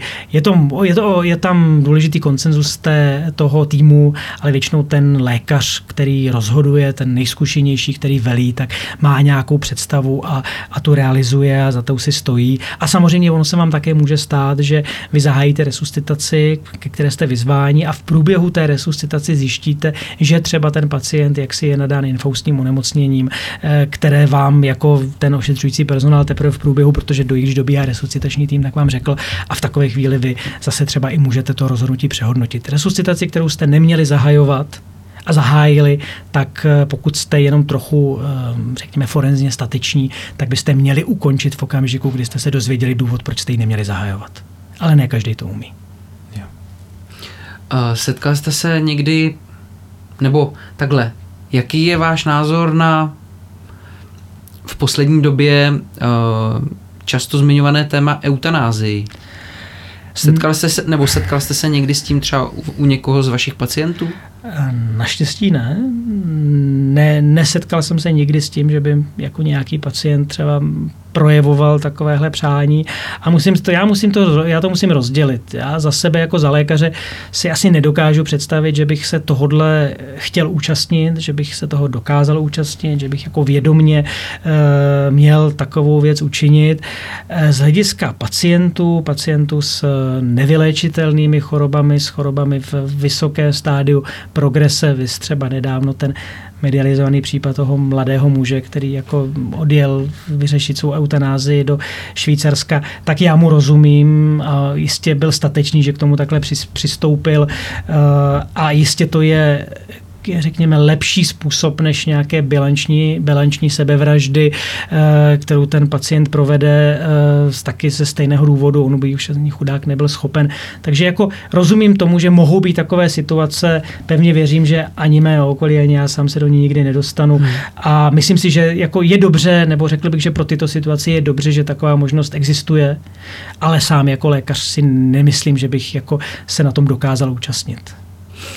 Uh, další ještě taková věc, uh, kterou jako vnímám, že se uh, vlastně i ve spojení s tou eutanází zmiňuje, je kvalita života. A hlavně kvalita života u starších a nemocných lidí. Je to takové depresivní téma trochu, ale jak to vlastně, jak to vlastně funguje, nebo jak se na to dnes ve zdravotnictví hledí?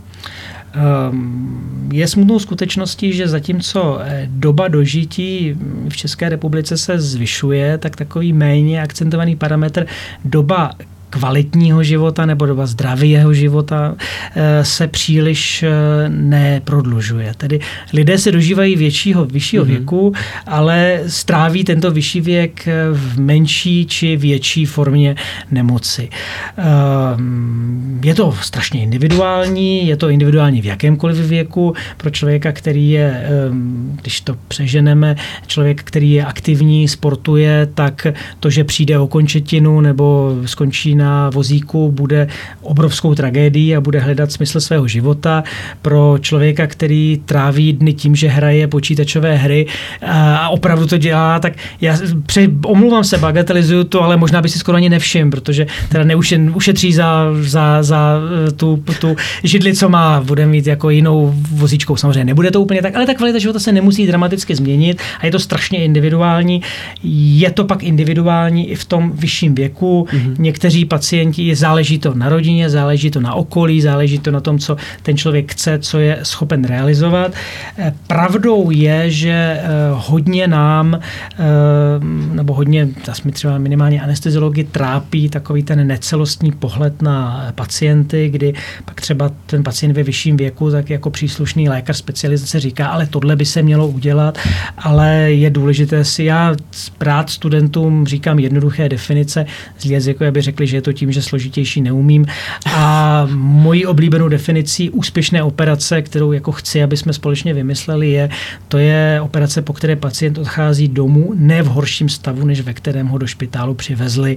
A někdy bohužel u těch starších pacientů, typicky starších pacientů, kteří už nemají ty rezervy, můžeme vidět, že byla vyřešena jejich diagnóza, která je ale příliš neomezovala, za cenu toho, že třeba ztratili spoustu ze své sebeobsluhy, sebe samostatnosti a hmm. Eh, schopnosti schopnosti žít tak, jak byli a třeba se k tomu vrátí, ale třeba také ne, protože mladý člověk nebo i člověk v produktivním věku má spoustu rezerv.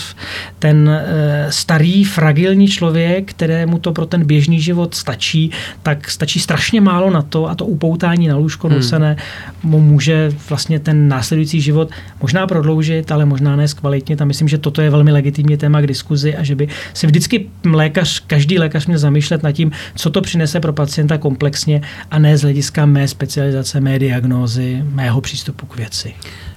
Co by si podle vás z toho měl vzít člověk, které, který jako uh, ře, třeba řeší, jestli na nějakou operaci uh, na nějakou operaci takovouhle jít nebo ne, protože vždycky aspoň tak, jak to znám já, se, nebo spousta těch operací, které nejsou přímo život ohrožující, nebo těch diagnóz, které nejsou život ohrožující, jsou na tom pacientovi, jestli se rozhodne, aby ji podstoupil nebo ne.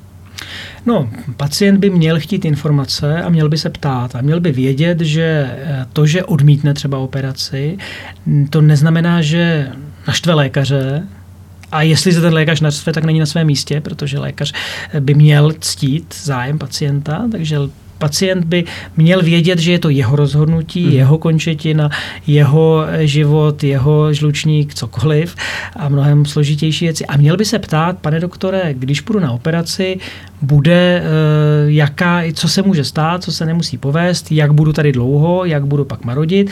Ale měl by se taky ptát, pane doktore, co když na tu operaci nepůjdu, kam mě to posune. A hmm. samozřejmě ten lékař mu nemá úplně křišťálovou kouli, ale měl by mu korektně říkat a korektně s ním o tomhle mluvit. A dovedu si třeba představit staršího pacienta s náhodně objeveným onkologickým onemocněním, třeba nějaké novotvar nadledviny, novotvar ledviny, ten třeba u střeva je to horší, ale představme si třeba tohle, které se objeví v rámci nějaké úplně jiné diagnostiky na CT, a protože dneska je CT laciné, že když už ho máte, jak jsme si říkali, takže si jedeme pacienta ve spirále celého, tak je třeba velmi legitimní eh, a ten lékař, pokud jako soudí, že to k tomu spí, může být, třeba říci OK, tak zkusme vyšetření za tři měsíce. Protože jedna varianta je, že se to zvětší a pak jako ano, pojďme do toho, ale jsme si jistí, že tam ten pacient útvar toho, té, této velikosti nemá již 10 let?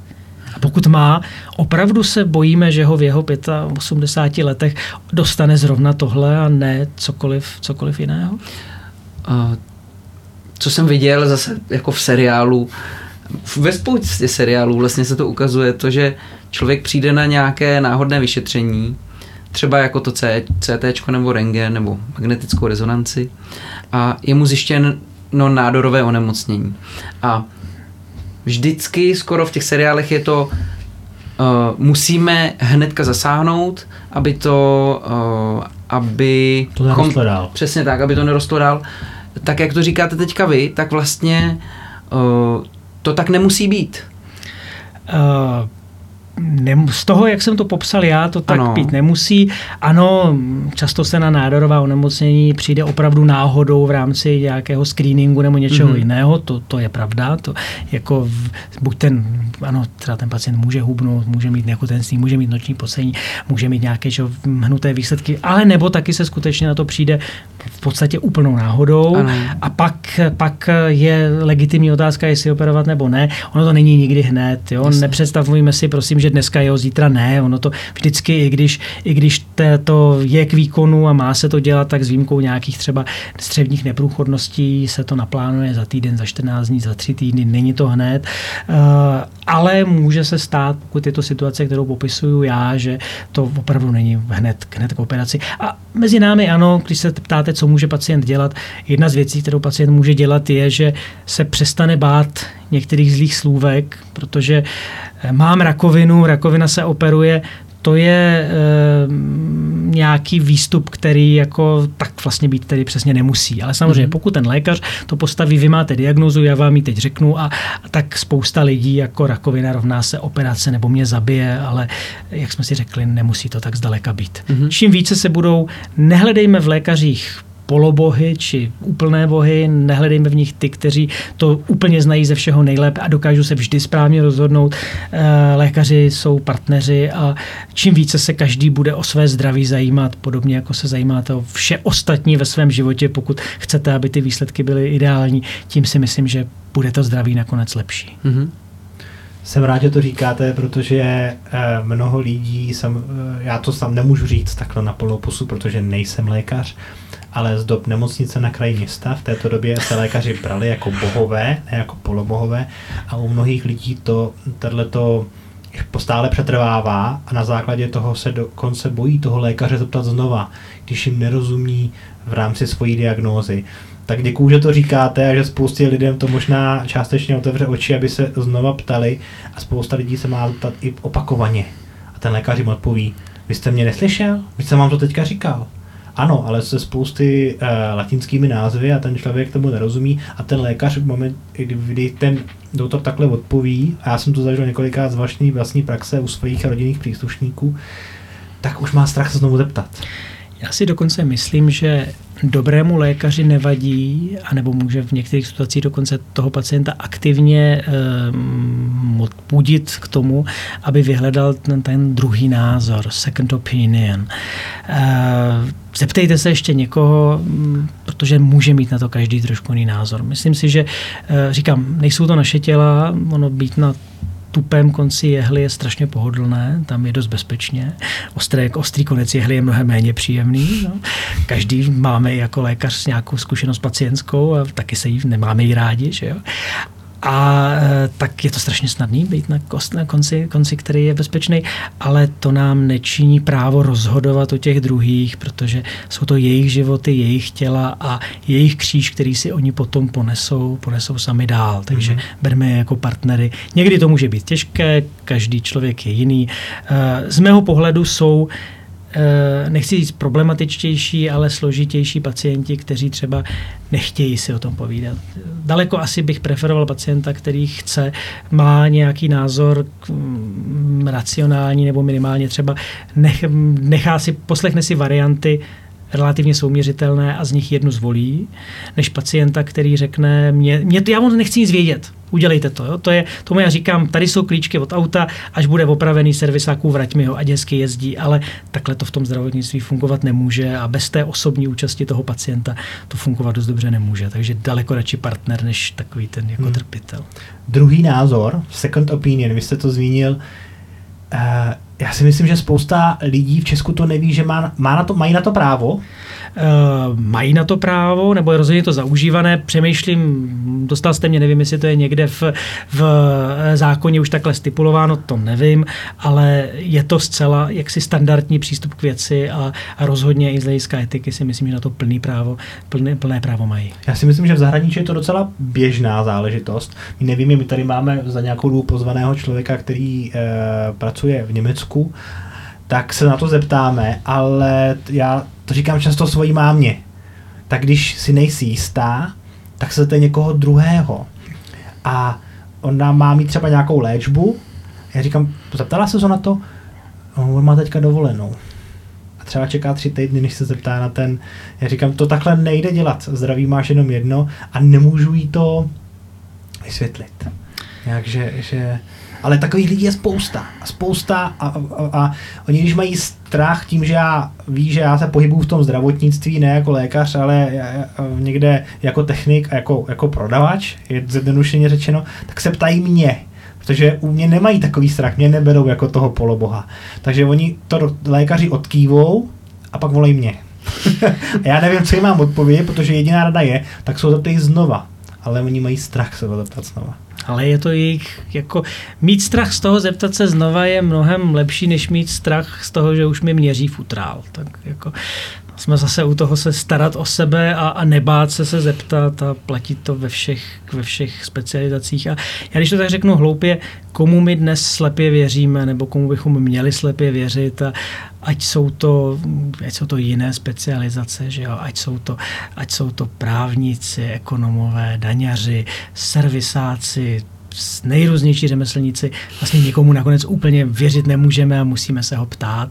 A e, stejně tak se, se e, nebo musíme překoukat, koukat mu trošku pod ruce a myslím, že úplně stejné je to s těmi, s těmi zdravotníky. Nejsme. Ono na ČVUT je ten oblíbený vtip, jak sedí ty dva mladí e, inženýři krátce po promoci, jeden říká druhému, ty, když si vemu, jaký my dva jsme inženýři, já se fakt bojím jít k doktorovi. No mají pravdu samozřejmě. Na medicínu nejdou lepší lidé a, a kvalitnější lidé a odpovědnější lidé než na jinou profilovou vysokou školu. Děkuju, že to říkáte, protože aspoň já mám teďka už nějakou aspoň oporu.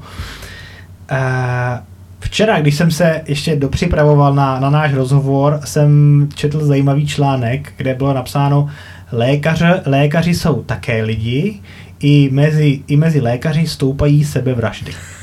A když jsem ten článek rozkryl, já jsem mu nedával přímo, jako že, by byl nějak pravdivý, ale zaujal mě ten nadpis. A tam bylo napsáno, lékaři mají, jsou uh, práce, která nese velkou zodpovědnost, mají v rukou lidské životy.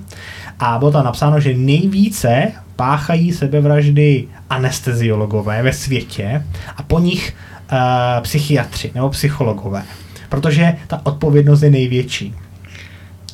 Uh, myslíte si, že to bylo pravda, že tohleto... No, nevím, já bych... Pardon, cítíte na sobě obrovskou zodpovědnost při, při práci?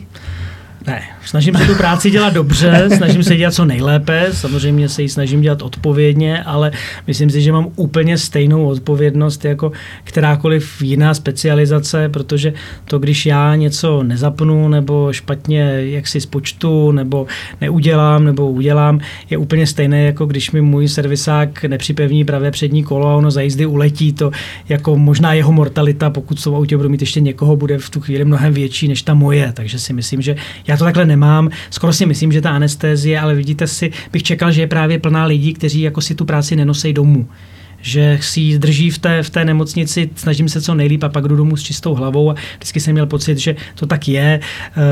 Uh, u těch psychiatrů já vždycky zase žertem říkám, že specializace si vás vybere, takže uh, neuvěřitelně jeden náš chytrý spolužák, který ale pod tlakem se lámal, tak dnes dělá internu úspěšně a jeden takové velmi mizogínské individuum dneska dělá úspěšně chirurgii břišní a uh, několik mých spolužaček jedlo anti antidepresiva v množství větším než malém a všechny z nich skončily na psychiatry i jako lékařky, nikoliv jako pacientky.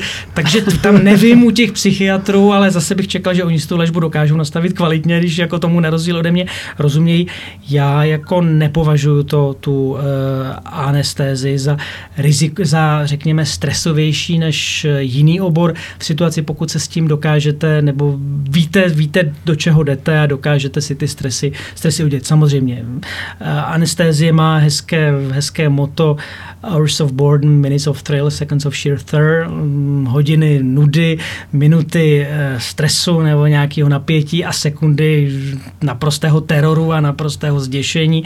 A ono to je, prostě hodiny se nic nemusí dít a pak tady jste, tady to vyřešte, vyřešte to teď, nemáte moc času, hypoxie mozku přijde do pěti minut, ale myslím si, že prostě anesteziolog je člověk, který se s tímhle naučil žít, nebo mu to v podstatě nevadí, což samozřejmě neznamená, že by anesteziolog měl být člověk, který jako je, je careless, který mu jako to nevadí, že to dělá, nebo si říká, nemůže se nic stát, to chraň Bůh, tak mm-hmm. lidi myslím nemáme, mm-hmm. ale za sebe nemůžu mluvit za druhý, ale za sebe i za své okolí si myslím, že jako jsme taková, anesteziolog je člověk, který je takový trošku jako rebel, úplně nevěří autoritám, úplně to nepotřebuje, už jako mladý je hodně samostatný a takovými jsme a jako myslím si, že v tom soukromí jako snad žijeme všichni poměrně spokojený život bez toho, abychom si zrovna vzpomínali, co se v tu chvíli děje na sále.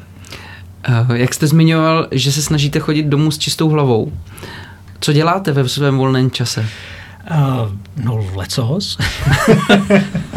Není toho tolik jako, jako v, té, v, té, v té normální práci. No tím si právě nejsem úplně jistý, ale tak v posledních letech jako se svou, nebo z hlediska, z hlediska uh, sportovního vyžití, tak my jsme už před lety přeš, přišli k jezdectví. Ještě v podstatě to byla asi jedna z věcí, které jsem se začal věnovat během studia medicíny, abych tak jako se ještě naučil jezdit. Mě k tomu tehdy přitáhla partnerka a už mm-hmm. jsme u mhm. toho zůstali, takže věnujeme se, řekněme, jezdecké turistice a jezdíme s koňmi tak jako jiní lidé si vemou kolo, dají ho na nosič a někam ho odvezou, tam jezdí, tak my si vezmeme koně svoje, naložíme si je do vleku, někam odjedeme a třeba na tom Ralsku na parkovišti stojí 30 aut z nosiči na kola, vedle nich zastavíme my, vytáhneme ty, dvě koně, ty dva koně a jdeme dělat úplně to samé, jdeme do těch lesů a jdeme si tam jako zajezdit. Ale k tomu samozřejmě to kolo přijedete domů a dáte ho do kočárkárny nebo možná, možná někam, aby vám ho neukradli. My to máme trošku složitější, takže my už jsme před lety přišli k tomu, že abychom teda mohli, mohli tohle provozovat a v tom množství, co máme, tak jsme si k tomu museli pořídit ten dům a, a postupně, takže 15 let se věnuju takovým věcem, jako že přestavuju dům a, a um, řeším, že třeba jak, že architekt nakonec mi neporadí tak jako já sám, takže vymýšlím, jak to udělat v další etapy a podobně a, a možná jednou potřebujete, zjistíte, že vám někdo neposeče, takže si pořídíte traktor a děláte si papíry na traktor, abyste mohli sekat vlasy vlastní jako louku, aby tam ty koně mohly, mohly běhat a podobně, takže nakonec mít ty koně doma není drahé, ale když do toho započítáváte tyhle věci, tak to hmm. samozřejmě je extrémně drahý sport. No. Jasně, takže místo uh, vlastně uložení kola do kočárkárny řešíte stáj za barákem. Ano, a, a nebo to, že ten kůň je ve výběhu, takže jako teoreticky bezúdržbový a stačí mu tam přivést vodu, ale bohužel mm, nevydrží páska, takže ten kůň taky může třeba utíct, nebo včera třeba jsme dávali do jiného výběhu koně po několika dnech a v tom výběhu jsou bohužel dvě plané jabloně, které tedy jako, a když tam ten kůň bude chodit denně, tak jako on to bude odžírat postupně, ale pokud jako ho tam nepustím týden, tak pak se těch jablek přežere a taky by mohl umřít v mhm. zásadě mm-hmm. Po nějaký kolice, takže jsme třeba ano strávili včera, jsem, jsme měli dovolenou, tak jsme večer strávili hodinu tím, že jsme vzali kýbly a šli jsme ty jabka sbírat a vysypat někam do pole, takže i toto je péče o, hmm. o koně, není to jenom to ježdění. A to ježdění máte jenom pro sebe, nebo to poskytujete i pro, pro externí zákazníky? No já když řeknu, že děláme turistiku, tak jako následuje takový ten dotaz, jako že vozíme lidi, ale my jsme touhle cestou z celé řady důvodů nikdy nešli. I třeba ta právní situace možná nejenom v České republice, je taková, že vy se nedokážete zprostit té odpovědnosti za ty cestující a e, i kdyby vám podepsali, co mohli, takže není to dominantní důvod, ono pak ten třeba dominantní důvodem je, že ty máme koně jednoho jezdce a my si je nestřídáme ani s manželkou na tož pak, aby jsme si je jako je půjčovali někomu dalšímu, protože vám to někdo zkazí, není to školní kůň, je to prostě váš kůň, ale e, nikdy jsme touhle cestou nešli, maximálně jsme třeba svezli na kruhu neteř, ale jinak teda se si jezdíme opravdu jenom sami. Takže on je to, já tomu dotazu rozumím, ale do jisté míry je to stejné, jako když vám někdo řekne, mám krásný turistický kolo a ku podivu nikdo se ho nezeptá, jako komu ho půjčuje, že jo, ale tady my, když dojedeme někam, třeba na nějaký hrad, že jo, nebo a, a teď si tam chceme dát ten párek a tu kofolu točenou, tak jako chodí ty lidi a říkají, my chceme svíst. A my říkáme, ale my jsme turisti jako vy, my tu nejsme, jako aby jsme vozili cizí lidi. A někdy jako ty lidi jsou takový jako zklamaný a překvapený, že proč nevozíme lidi, no nevozíme, protože oni na těch svých kolech taky nevozejí lidi, že jo, je to, je to to samé, jenom to dělá málo lidí. To by mě v životě nenapadlo se zeptat někoho, kdo si, kdo si přiváže koně, jestli mě na něm sveze. No vidíte, možná by vás ani nenapadlo, když to koně, my třeba my nevážeme, ale necháme v nějakém prostoru, ale máme místa, ty naše koně jsou velmi zvyklí, děláme to dlouho, takže jako pustíme koně na nějaký palouček, vidíme na ně, víme, že nám nikam neutečou v tom prostoru, známe ho tam, sedíme v restauraci v, na vyhraženém místě, kde, protože jsme tam štamgasty, že přeskočím plutek a jsem u koní a, a nenapadlo by vás, jako asi když jdete kolem z hradu, eh, k těm koním přistoupit a, a, a jako a chtít je otlapkávat nadávat a ohlazovat a spoustu lidí to napadne, jo? nebo v dnešní době jedna slečna takhle i s kolem, byla jakási aktivní cyklistka, tak jako si fotila ty koně, takže s, těma, s tím kolem šla jim skoro až opravdu k zadku, já už jsem se jako startoval, protože jsem se začal to trochu bát a pak zase s tím kolem objela jako za roh, kde stála a zjevně ty fotky poustovala na Facebook, jo? tak jako nenapadlo můj by vás, můj kůň. no to ne, ale helejte, co jsem viděl a teď se o tom podělím, takže jako někdy ti lidé, já jsem tuhle, myslím, že to byla naše poslední návštěva někde jsem jako všichni se v restauraci smáli, jsem říkal, asi začnu jezdit na Tigrovi, na toho mi nikdo šahat nebude, jo? protože když tam bude pes, tak vás nenapadne, nebo tak nikoho nenapadne, no, snad na něj šahat, že jo. Kůň má 500 a více kilo, je to bíložravec, ale dokáže kopnout, dokáže zabít, dokáže kousnout, dokáže ukousnout prstíček malému dítěti, je to prostě cizí zvíře a je, jako já taky, když má někdo to kolo nebo psa nebo kabriolet, tak jako ho nechodím osahávat dávat a racionálně bych to očekával, jako, nebo aby se aspoň ty lidi zeptali, jo, nebo jako, někdy ale... vypouštět ventilek, já jdu někdy vypustit ventilek. tak... Kůň naštěstí ventilek nemá, jo. tak... Já bych to neudělal, protože já mám s koní obrovský respekt, až se dá říct trošičku strach. Pro, ale je to zase jenom ze světa okolo mě. Viděl jsem pár videí, jak kůň dokáže, když se dobře trefí, jak, jak vidím ty obrovský zadní nohy, ty, ty, ten sval, když mi kopne, tak co to se mnou udělá. Viděl jsem pár lidí, kteří, nebo kolegů, kolegové z Rengenu mi ukazovali, že snímkovali pána, který mu kopl koň do obličeje, jak to vypadalo. Pak znám případy, kdy lidi, to jsem zase vystrašený moc, spadli z koně a ochrnuli eh, bývalý Superman, že jo, taky, taky uh, spadl z koně. A když moje sestra, jak jsme byli malí, tak jsme šli do cirkusu, kde bylo takový to vození na, na koní na koních, já jsem to nechtěl, já že ho jenom nakrmím, že to mi stačí, ale dal jsem to rozšlápnutý jabko tak špatně, že jsem tam dal eh, prsteníček a on mě na něj kous, tak od té doby já mám z koní, konů takový respekt, že bych ho nehomatával no. a ani na dálku bych prostě... Je to 600, je to říkám, je třeba i 600 kg, což prej tolik vážil hmm. Trabant, jo, to je jako a z Trabantu máte respekt, jako, takže z koně byste ho měl mít, měl mít taky z té země, logicky, protože stát se může cokoliv a je to do jistý míry neprediktabilní. Z toho sedla, no jasně, i my se bojíme, i my jako zase, když máte vlastního koně, tak se třeba bojíte míň aspoň o to, že ho znáte a pak už třeba se teda bojíte cílíst na ty cizí, ani to nemáte zapotřebí, protože máte vlastního a toho znáte lépe. Eh, já vždycky říkám, že když mi jako přepadne takový ten jako fatalistický smutek, že jako se mi něco na tom koni stane nebo jinak, tak už za studií jsem říkal, že dobré je třeba stáž na eh, revmatologii, kde vidíte celou řadu těch onemocnění a těch jako artritit a podobně, kdy, takže že nemocen a jako zoufalou kvalitu života až do úrovni jako smrti smrtěucí můžete mít eh, i bez ohledu na sportovní vyžití a e, taky to jako je nebezpečný, zase říkám. Ale snažíte se to dělat nějakým způsobem bezpečně. Mě třeba přek, nebo mé kolegy překvapilo, když jsem se pochlubil, že zase po letech mi jednou týdně nám jezdí trenér, který jako na našich koní nám říká, jako, jako jak jezdit, jak jezdit jinak a kolega říká, ty jezdíš 25 let. Já říkám, ano, jezdím, ale to neznamená, že to umím a to neznamená, že se nedokážu zlepšit.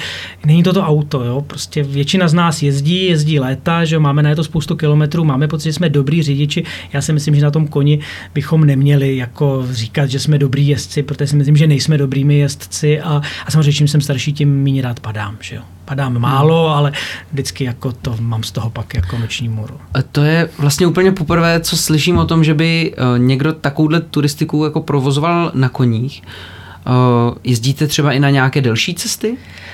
My máme, eh, nebo ono těch lidí opravdu je strašně málo, což na jednu stranu je jako smutný, že nemá člověk tolik těch kamarádů, který by jako dokázal, dokázal jako s nima ten čas trávit. Na druhou stranu zase je to asi dobře, protože kdyby to byl opravdu masový sport, tak eh, eh, spousta věcí, které třeba v České republice je možná nebo tiše tolerovaná, tak by asi začala vadit, protože jako když vám někde projde jeden kůň po louce, tak to jako asi nikomu úplně nevadí když tam těch koní by prošlo každý den 20, tak jako to logicky začne vadit hodně, takže třeba problémy jsou kolem těch stájí, když tam ty lidi jezdí na hodinu kolem. Takže jako není nás moc, nebo je nás opravdu pár. My jsme eh, dřív, nebo ještě to byla i otázka ekonomická, jsme začínali třeba před 10-15 lety tak, že jsme opravdu vzali koně a jeli jsme mm, v těch Benátek nad Izerou a za den jsme se dostali do Mšena a za další den jako někam, někam eh, pod Úštěk a za další den třeba nad Úštěk a a, v podstatě jsme takhle dokázali až jako ve vrcholu našich snad, s tím, že vždycky občas bylo potřeba někde dát pauzu, aby jsme ty koně neodpálili, mm. když se nedali vystřídat, tak jsme v podstatě takhle dojeli takovým širokým obloukem až do Jablony v Podještědí, kde teda už jsme jako to museli, museli ukončit, protože už toho ty koně opravdu měli dost. Ale tohle, což vypadá jako strašná romantika, a teď si to představíme z těch, možná se z těch možná Právě filmů, tak si to představuju. No, ještě, a teď samozřejmě, a teď si uvědomte, že nemáte úplně jako ten, ten kufr, jako to má to auto, mm. takže jako v těch filmech ještě větší romantika, že máte ještě toho bagážového koně, který ho vezete za sebou, že jo, to je super romantika. Ne, že bychom kdysi nejezdili, třeba když jsme potřebovali se někam dostat ještě s koněm na špagátu, ale to už je zase jako, když jedete s autem s přívěsem nebo s návěsem, jo, to hmm. taky není taková romantika, jako jezdit jenom s tím autem, jo, kdo si to kdy zkusil nebo to pravidelně dělá. Takže najednou, když máte ty věci nebo na tom sedle věci, teď jako když zacváláte, tak to všude kolem lítá, že jo, nebo něco ztratíte, nebo je to pak spíš v chůzi.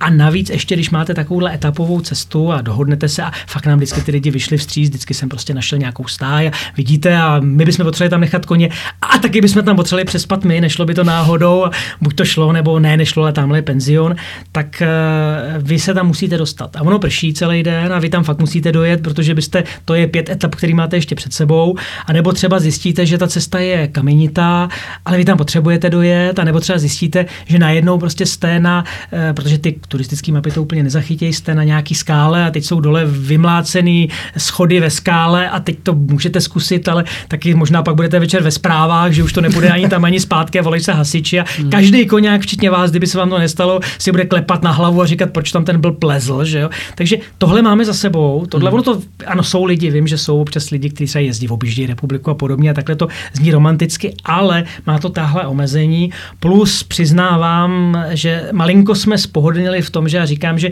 přežiju lecos, ale večer ta sprcha je strašně fajn a, a je lepší, když vám uvaří, když vaříte si jako sami jako na kotlíku. To, to asi úplně, ta, touhle cestou jsme se nevydali a, mm-hmm. a, a ani nechceme, takže my jsme zvolili takovou, jako já tomu říkám, s kreditkou v kapse, že to jde taky, že my to opravdu děláme jako ty cyklisti, takže byť teď v covidu neděláme, ale zase doufám začneme, vememe buď ty dva koně, nebo dokážeme převíst i čtyři koně, máme i obrovský přepravník, se kterým už teda ta jízda není úplně příjemná a rychlá, ale, ale taky to jde a převezeme si ty koně, dohodneme si třeba nějaký ustájení, mm-hmm. na Šumavě jsme byli párkrát eh, u Pelhřimova někde, eh, na Moravu teda ne, děkujeme za D1 a přilehlé komunikace, tam zatím jsme teda se neodvážili tímhle směrem, ale na území tedy Čech se pohybujeme poměrně intenzivně nahoru, třeba do Orlických hor a podobně, takže přijedeme, dohodneme si tam ubytování, jsme tam několik dní a jezdíme takový jako hvězdice, že si řeknu, pojedeme tamhle, mm-hmm. pojedeme jinam, někdy nám poradí místní, kam jezdit, někdy se bohužel po pár dnech ukáže, že místní si nechají poradit od nás, jako kam se po 20 mhm. letech, co tam mají stáj, protože prostě jsme zvyklí jezdit a umíme ty cesty mm. najít a, a je to takový jako naše prostě primární hobby. Byly v republice byla snaha označit turisty koňské stezky, tak jako jsou stezky pro cyklisty a hlavně turistické stezky, ale bylo to hodně postavené na dotacích, přišlo to pozdě, což třeba znamenalo, že ta turistická stezka tam je, ale oni potřebovali mm, souhlas každého majitele pozemku, takže to nakonec vedlo Jasně. po velmi nepříjemných terénech a tam, kde byste vyskoním nikdy nejel, protože tam jsou tam šutry velikosti dětské hlavy, když to přeženu a ne moc, takže daleko prostě jezdíme po turistických mapách, koukáme. A tímhle tohle nám třeba umožňuje, jako že to nemusí vít. Jo? Já když někam jedu a třeba let, poslední rok, dva, jako nás opravdu trápí, a jak eh, se strašně ničejí lesy těžbou a to je z hlediska těžařů neuvěřitelná zprostárna, protože to oni neřeší počasí, oni neřeší nic, oni tam nechají koleje jak hrom a potom buď máte kliku, že ten les je e, třeba pískový a ono se to docela hezky zatáhne, hmm. no ale to úplně nejhorší, co oni následně udělají, že tam nasypají, použil bych úplně horší slovíčko, jako vagon vagóny e, štěrků. A já si myslím, že to té přírodě teda rozhodně neprospívá, že to je, když vyasfaltujete parkoviště, tak když někam nasypete místo lesní cesty jako tuny štěrku a potom se pak samozřejmě chodí blbě, takže pak zjistíte něco takového, to v té mapě nepoznáte, takže se snažíte jít jinam. Nebo a samozřejmě nejsmutnější je, když prostě máte něco vybraného, je to tam krásný a pak zjistíte, že zařádili těžaři, že jo, tak jako já z tohle důvodu třeba jsem, jsem velmi, velmi hysterický, když mi někdo řekne, že já tím koněm dokážu, eh, dokážu něco nebo zdevastuju lesní cestu, protože to teda u mě jiný, to můj kůň, opravdu ne. Ano, to je váš kůň. To je můj kůň a to jsem já, to je kousek od Bezdězu, což je pro nás taková jako domácí lokace. Celý Ralsko v prostoru v podstatě mezi Míchovým hradištěm, Zákupama, eh, Bezdězem a je trochu níž a nahoře až někde stráží pod Ralskem, je s výjimkou několika obor volný prostor, nedoceněný prostor a naprosto fantastický prostor, kde se jako dá, když to víte, velmi jezdit a to jsou, a myslím, že to, ano, to, to je, to je, to je eh, ten, ten, ne, to je druhý, druhý z mých koní, tak myslím. Na dálku blbě vidím, takže máme každý s partnerkou dva, skoro okolností všechny bílé, což, se, eh, což eh, má, tak jako se nám líbí, takže tohle je, naši, jak vidíte, já toho moc nepotřebuju, jo? mám v podstatě, nemám sebou skoro nic, mám uh, bundu na sedle, uh, v ní bude asi peněženka a mobil, který, který uh, používám pro navigaci a taky si jako trošku jako sbírám kilometry, takže jako loni, jak byl covid, což spoustě lidí ublížilo nám jenom v tom, že byly zavřená výdejní okénka a jiný sport se dělat v podstatě nedal, takže my jsme nezavírali sezónu v říjnu, v listopadu, listopadu, my jsme, naše poslední výška byla 31. prosince, kdy když jsme v pět večer na nádraží u Bezdizu nakládali do přepravníku, tak manželka říkala, hele, ale jestli teď se nám rozbije auto, tak nevím o nikom, kdo by byl ještě střízlivý a přijel nás zachraňovat. A dojeli jsme v pořádku domů a, teď jsme, a končili jsme sezónu s 2073 kilometrama v Kopitech, Ty. což eh, vlastně nepamatujeme, je, dělávali jsme 1400, jako letos třeba máme teď zatím přes 1500, takže možná, že budeme mít podobně úspěšnou sezónu, ale ten letos jezdíme opravdu. Ono, když to vemete na turistiku e, cyklistickou, tak byste, tak zhruba tam je ta rychlost větší. My hmm. jezdíme v terénu, my když už i poměrně hodně klušeme, cváláme, tak jsme třeba s průměrnou rychlostí 9 km v hodině, někdy 8, někdy hmm. 7. Eh, standardní dojezd denní je řekněme 30 km. 50 už prověří vás i toho, i toho koně způsobem, že to není úplně, je to zbytečný. Ne, neosvědčilo se nám to, jsem schopen jet z pět dní za sebou třicítku, když pojedu 50, tak to další den budu cítit a, hmm. a určitě to nebude tom samým, na tom samém koni. Takže když to vemete z té cyklistiky, tak tam asi byste to, ty naše kilometry měli vynásobit tak třema, abyste se dostali. Takže nevím, nejsem cyklista, ale myslím, že 6000 kilometrů turistických na kole by asi taky bylo považováno za docela slušný výkon. Myslím tak si, jako... že to už je hodně. No. To je určitě hodný kůň, protože je bílý bílej. Mám zafixovat, ty jsou většinou v pohádkách a ty špatný koně jsou černý. No, tak jako koňáci říkají, že na barvu to nejezdí, barva to prodá. Eh, moji kamarádi, když kupovali auto, tak připláceli 15 tisíc, aby nebylo bílé, protože to byla základní barva. U koní jako jsme třeba připláceli tehdy 10 tisíc za to, že ten kuň bílý byl, tam ta barva jako naopak je jako to. Ale já bych netvrdil o mých koních, že moje koně nejsou zlí, to si jenom to si fakt nemyslím, a, ale jako zrovna jako panda původem Holštín s vynikajícím skokovým původem, ne, že by to teda, ona teda její jméno je Panika v papírech, což jako ještě horší než panda, ale ona není, pa, ona není jako ty panický, ona je naopak taková, jako ona se dokáže neuvěřitelně naštvat. A jako je taková, ona, ta, ta, když potom teda jako jedem dlouho a už se třeba to nelíbí, nebo jako něco má jiný diskomfort, tak ona, když jako jedem s cizím koněm, ne s těmi vlastními, tak ona hledá tu půdku, ona by si ráda kopla, ona jako se snaží využít toho, že teda jako, ale to já ne nemyslím, že je prostě zlá, ona jenom prostě jako má svůj styl, jak to chce řešit a je mým úkolem, aby to takhle neřešila a jako já ji považuji za hodnýho koně. Je to, jako, je to můj kůň a jsem, jsem, za, jsem rád za oba dva z ní. Každý je jiný, jako, ale tam to byla poloviční za ta předchozí fotka, ale oba dva jsou úžasní. Hmm. Vy máte ještě jednoho zajímavého koníčka, myslím tím jako hobby, což který mě jako velmi překvapil, že jsem se vrátil i do svých dětských let a to jsou papírové modely, které tenkrát byly v ABCčku. Jsou do dneška v ABčku.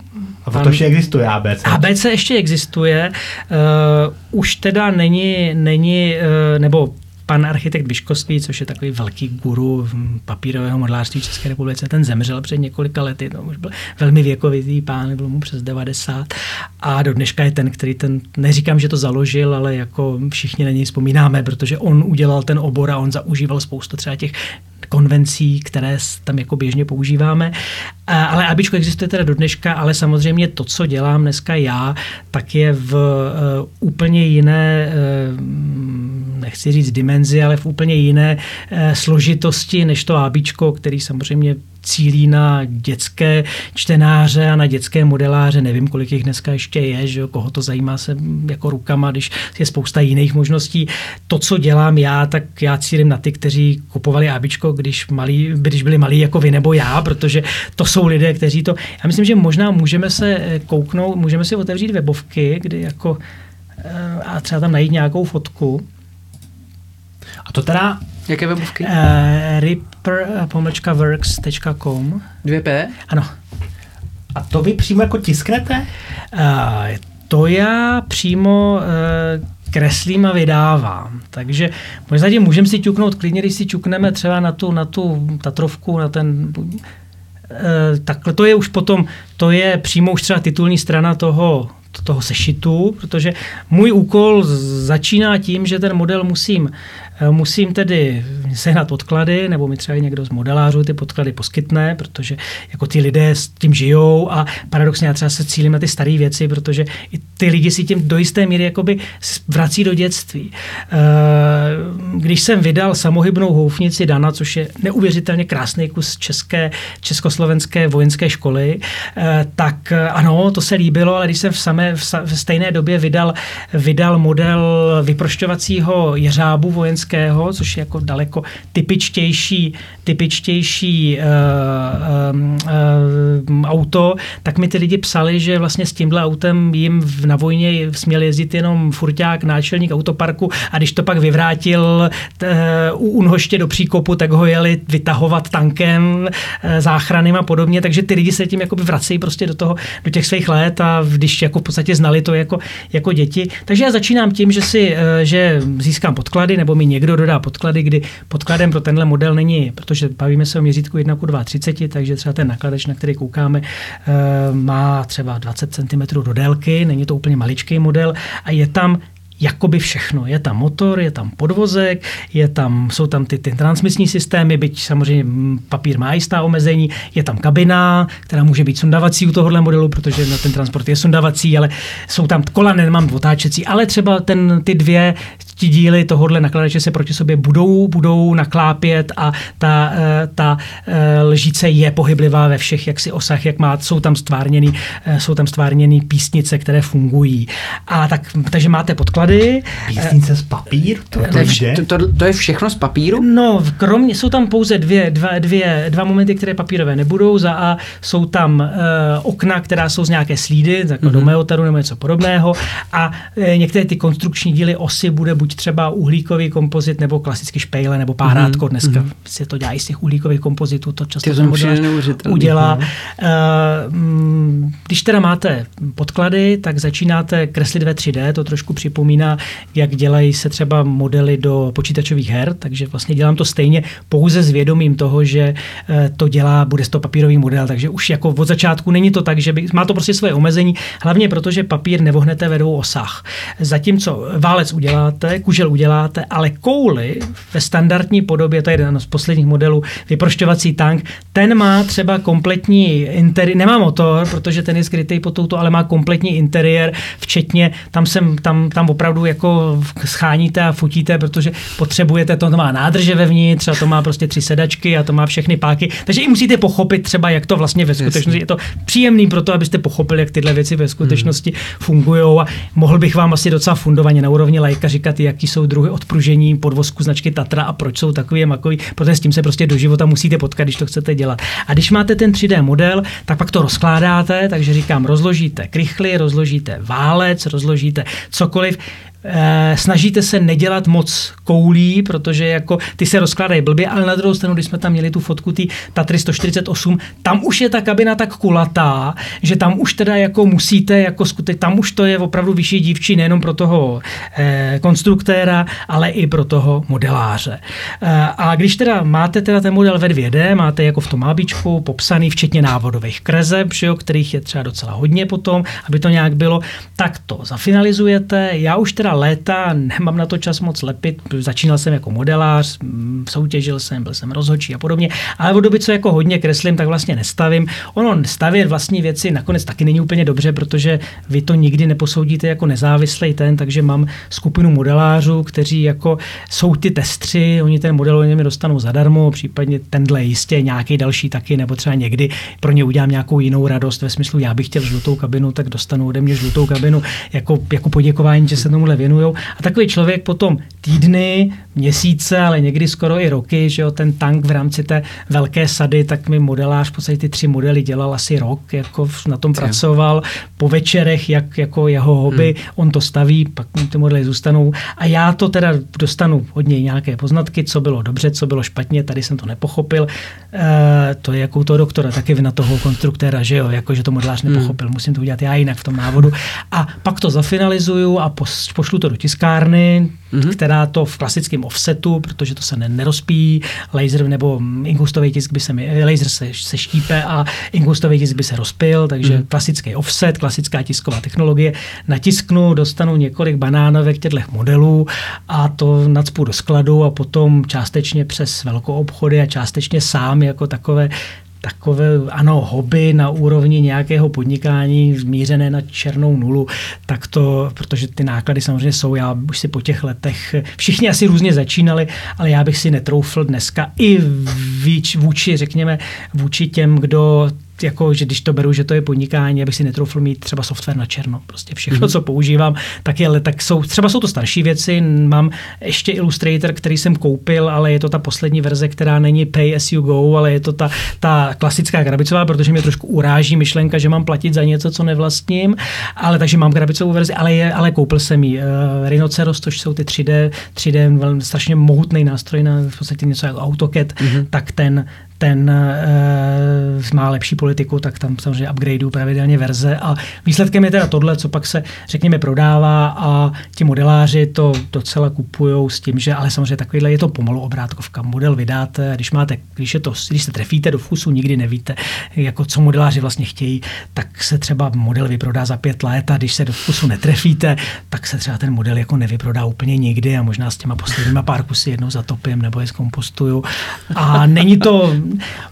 já někdy říkám, že kdyby se tomu člověk věnoval ne jako hobby, ale na plný úvazek, tak by to možná, ten objem by možná dokázal člověka uživit, kdyby to někdo kupoval, protože samozřejmě ty modeláři také, ono už takhle, i, to jsou i plastáci, plastáci říkají, že kupují tolik stavebnic, jako by to byly do 300 let a od důchodu naprosto zdraví. Tady je to to samé, tím, že se to dřív či později vyprodá, tak Jasně. modeláři kupují více, než postaví, ale taky nekoupí úplně všechno a pokaždé, takže mm, nedovedu si představit, že by ten trh tak malý, jak je v českých zemích, protože papírové modely jsou specifikem východního bloku. Eh, to je tím, že papíry sociálka, jak říkával jeden z mých kamarádů modelářů, je to tím, že takováhle stavebnice stojí do několika stovek korun, že jo. Eh, dneska možná dva lístky do multikina, možná jeden, ty, některé ty slabší. A když to ten, když to ten eh, modelář chce stavět, tak tím stráví měsíce. Ne, ne dny, ne týdny. S tímhle stráví měsíce, možná díl, když se na to povede.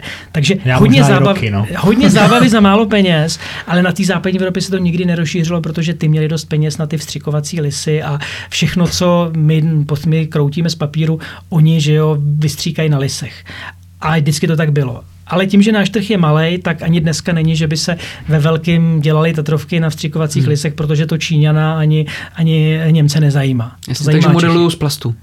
E, přesně, západní Evropa hmm. jede celá v plastu, což je v některém ohledu složitější, ale v řadě ohledů jednodušší a rychlejší než v tom papíru. Jasně. Papír je doména Československa, Polska, trochu východního Německa bývalého a v podstatě jako bývalého Sovětského svazu, ale zase v menší míře. Mm-hmm. Tam to spíš jako vyskenují a ukradnou, než by si to koupili.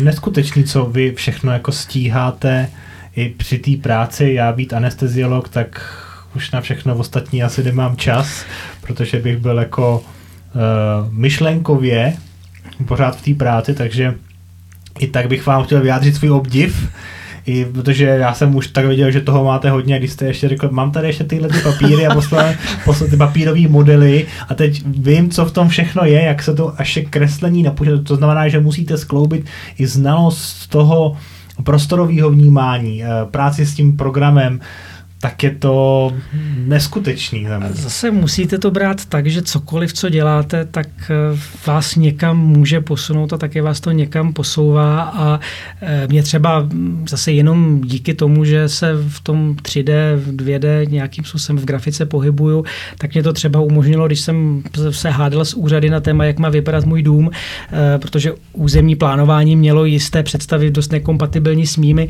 tak jsem dokázal ty varianty hodit do 3D a udělat ty modely, které jako jsem jim poslala, bavili jsme se nad tím zase úplně jinak. Jo? A i si třeba myslím, že i v dovedu si představit i celou řadu těch styčných bodů v té práci, že prostě to, že máte do jisté míry technické uvažování, řešíte ty věci z toho úhlu pohledu, tak vám to pak pomáhá v té práci. No a v neposlední řadě já si opravdu myslím, že eh, nebo hm, hluboce si vážím všech, co jako s prací vstávají, usínají a o půlnoci také myslí, ale v mém případě a asi v případě celé řady jiných lidí si myslím, že se osvědčí naopak to odmakat eh, s plným nasazením, jak si alokovanou, alokovanou část někde a v zbylý čas, pokud si zrovna nečtete odbornou knihu, tak na to opravdu nemyslet, protože to tím, jakoby, to tím moc ne, nevylepšíte.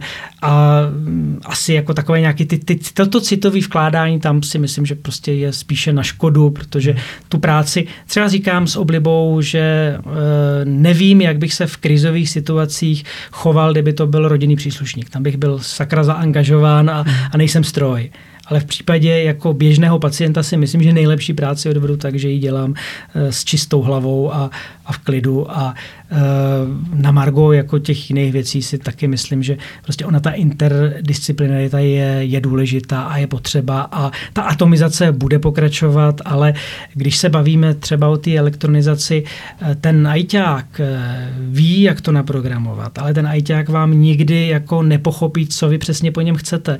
A naopak, když jako necháte tu plnou důvěru tomu lékaři, tak já říkám, že lékař nemusí chápat, nebo zdravotník nemusí chápat, že když na, že naprogramovat eh, fialový čtverec je mnohem jednodušší než růžový prase a že jako a bude chtít to růžový prase, i když jako ten efekt bude ve finále stejný a tohle je třeba něco, s kterou roli já teď bych měl zastávat trošku ve Všeobecné fakultní nemocnici, že budu v rámci vývoje nového informačního systému takovým bufferem mezi těmi informatiky a mezi těmi lékaři, protože jsem v životě něco na Matvizu odprogramoval, ne, že bych to moc uměl, zůstávám u domácí automatizace poslední léta, ale samozřejmě vím, jak se programuje a mám něco za sebou a to znamená, dokážu snad posoudit, co ještě jo, co je čtverec a kde je to prasátko nutný a kde naopak prostě by ty zdravotníci šikanovali ty ajťáky, protože by to chtěli nějak specificky. Jo, z, z opačného pohledu strašným jako byčem na, na situaci v české elektronizaci je taková ta zkratka, lékaři jsou hloupí, oni to nechtějí používat, oni jsou líní, blá, blá, blá, blá.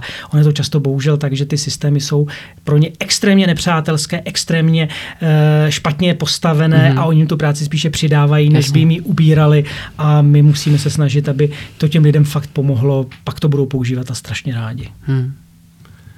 Uh, náš podcast se jmenuje Mindcast uh, a cílem je dát posluchačům a divákům nějaký životní nadhled a trošku přidat na tom selském rozumu. Poslední otázka. Měl byste pro naše posluchače nějaký jako vzkaz, který, který by jim jako pomohl? Může být jakýkoliv. Nějaké moto nebo, moto. Uh, nebo nějaká vaše životní moudrost. Protože, má, jak říkám, opravdu toho máte hodně a pořád jste uh, relativně v klidu, nevystresovaný a, a možná trošku sdílet ten svůj já, životní pohled. Děkuju, já si nemyslím, že jsem člověk, který jako má nějaký placet rozšiřovat životní moudra, ale uh, asi jedno věc, kterou jsem v poslední době párkrát použil, je, že pokud chceš někam dojít, tak uh, dej levou nohu dopředu a pak pravou.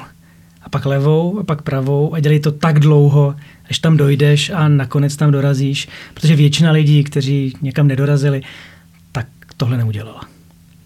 Super. Pane, Krásný. pane docente, děkuji moc, že jste tady dneska s náma byl a že jste přijal naše pozvání. Bylo to moc super povídání. Bylo mi ctí, děkuji za pozornost. Mějte se. Díky. Naschledanou.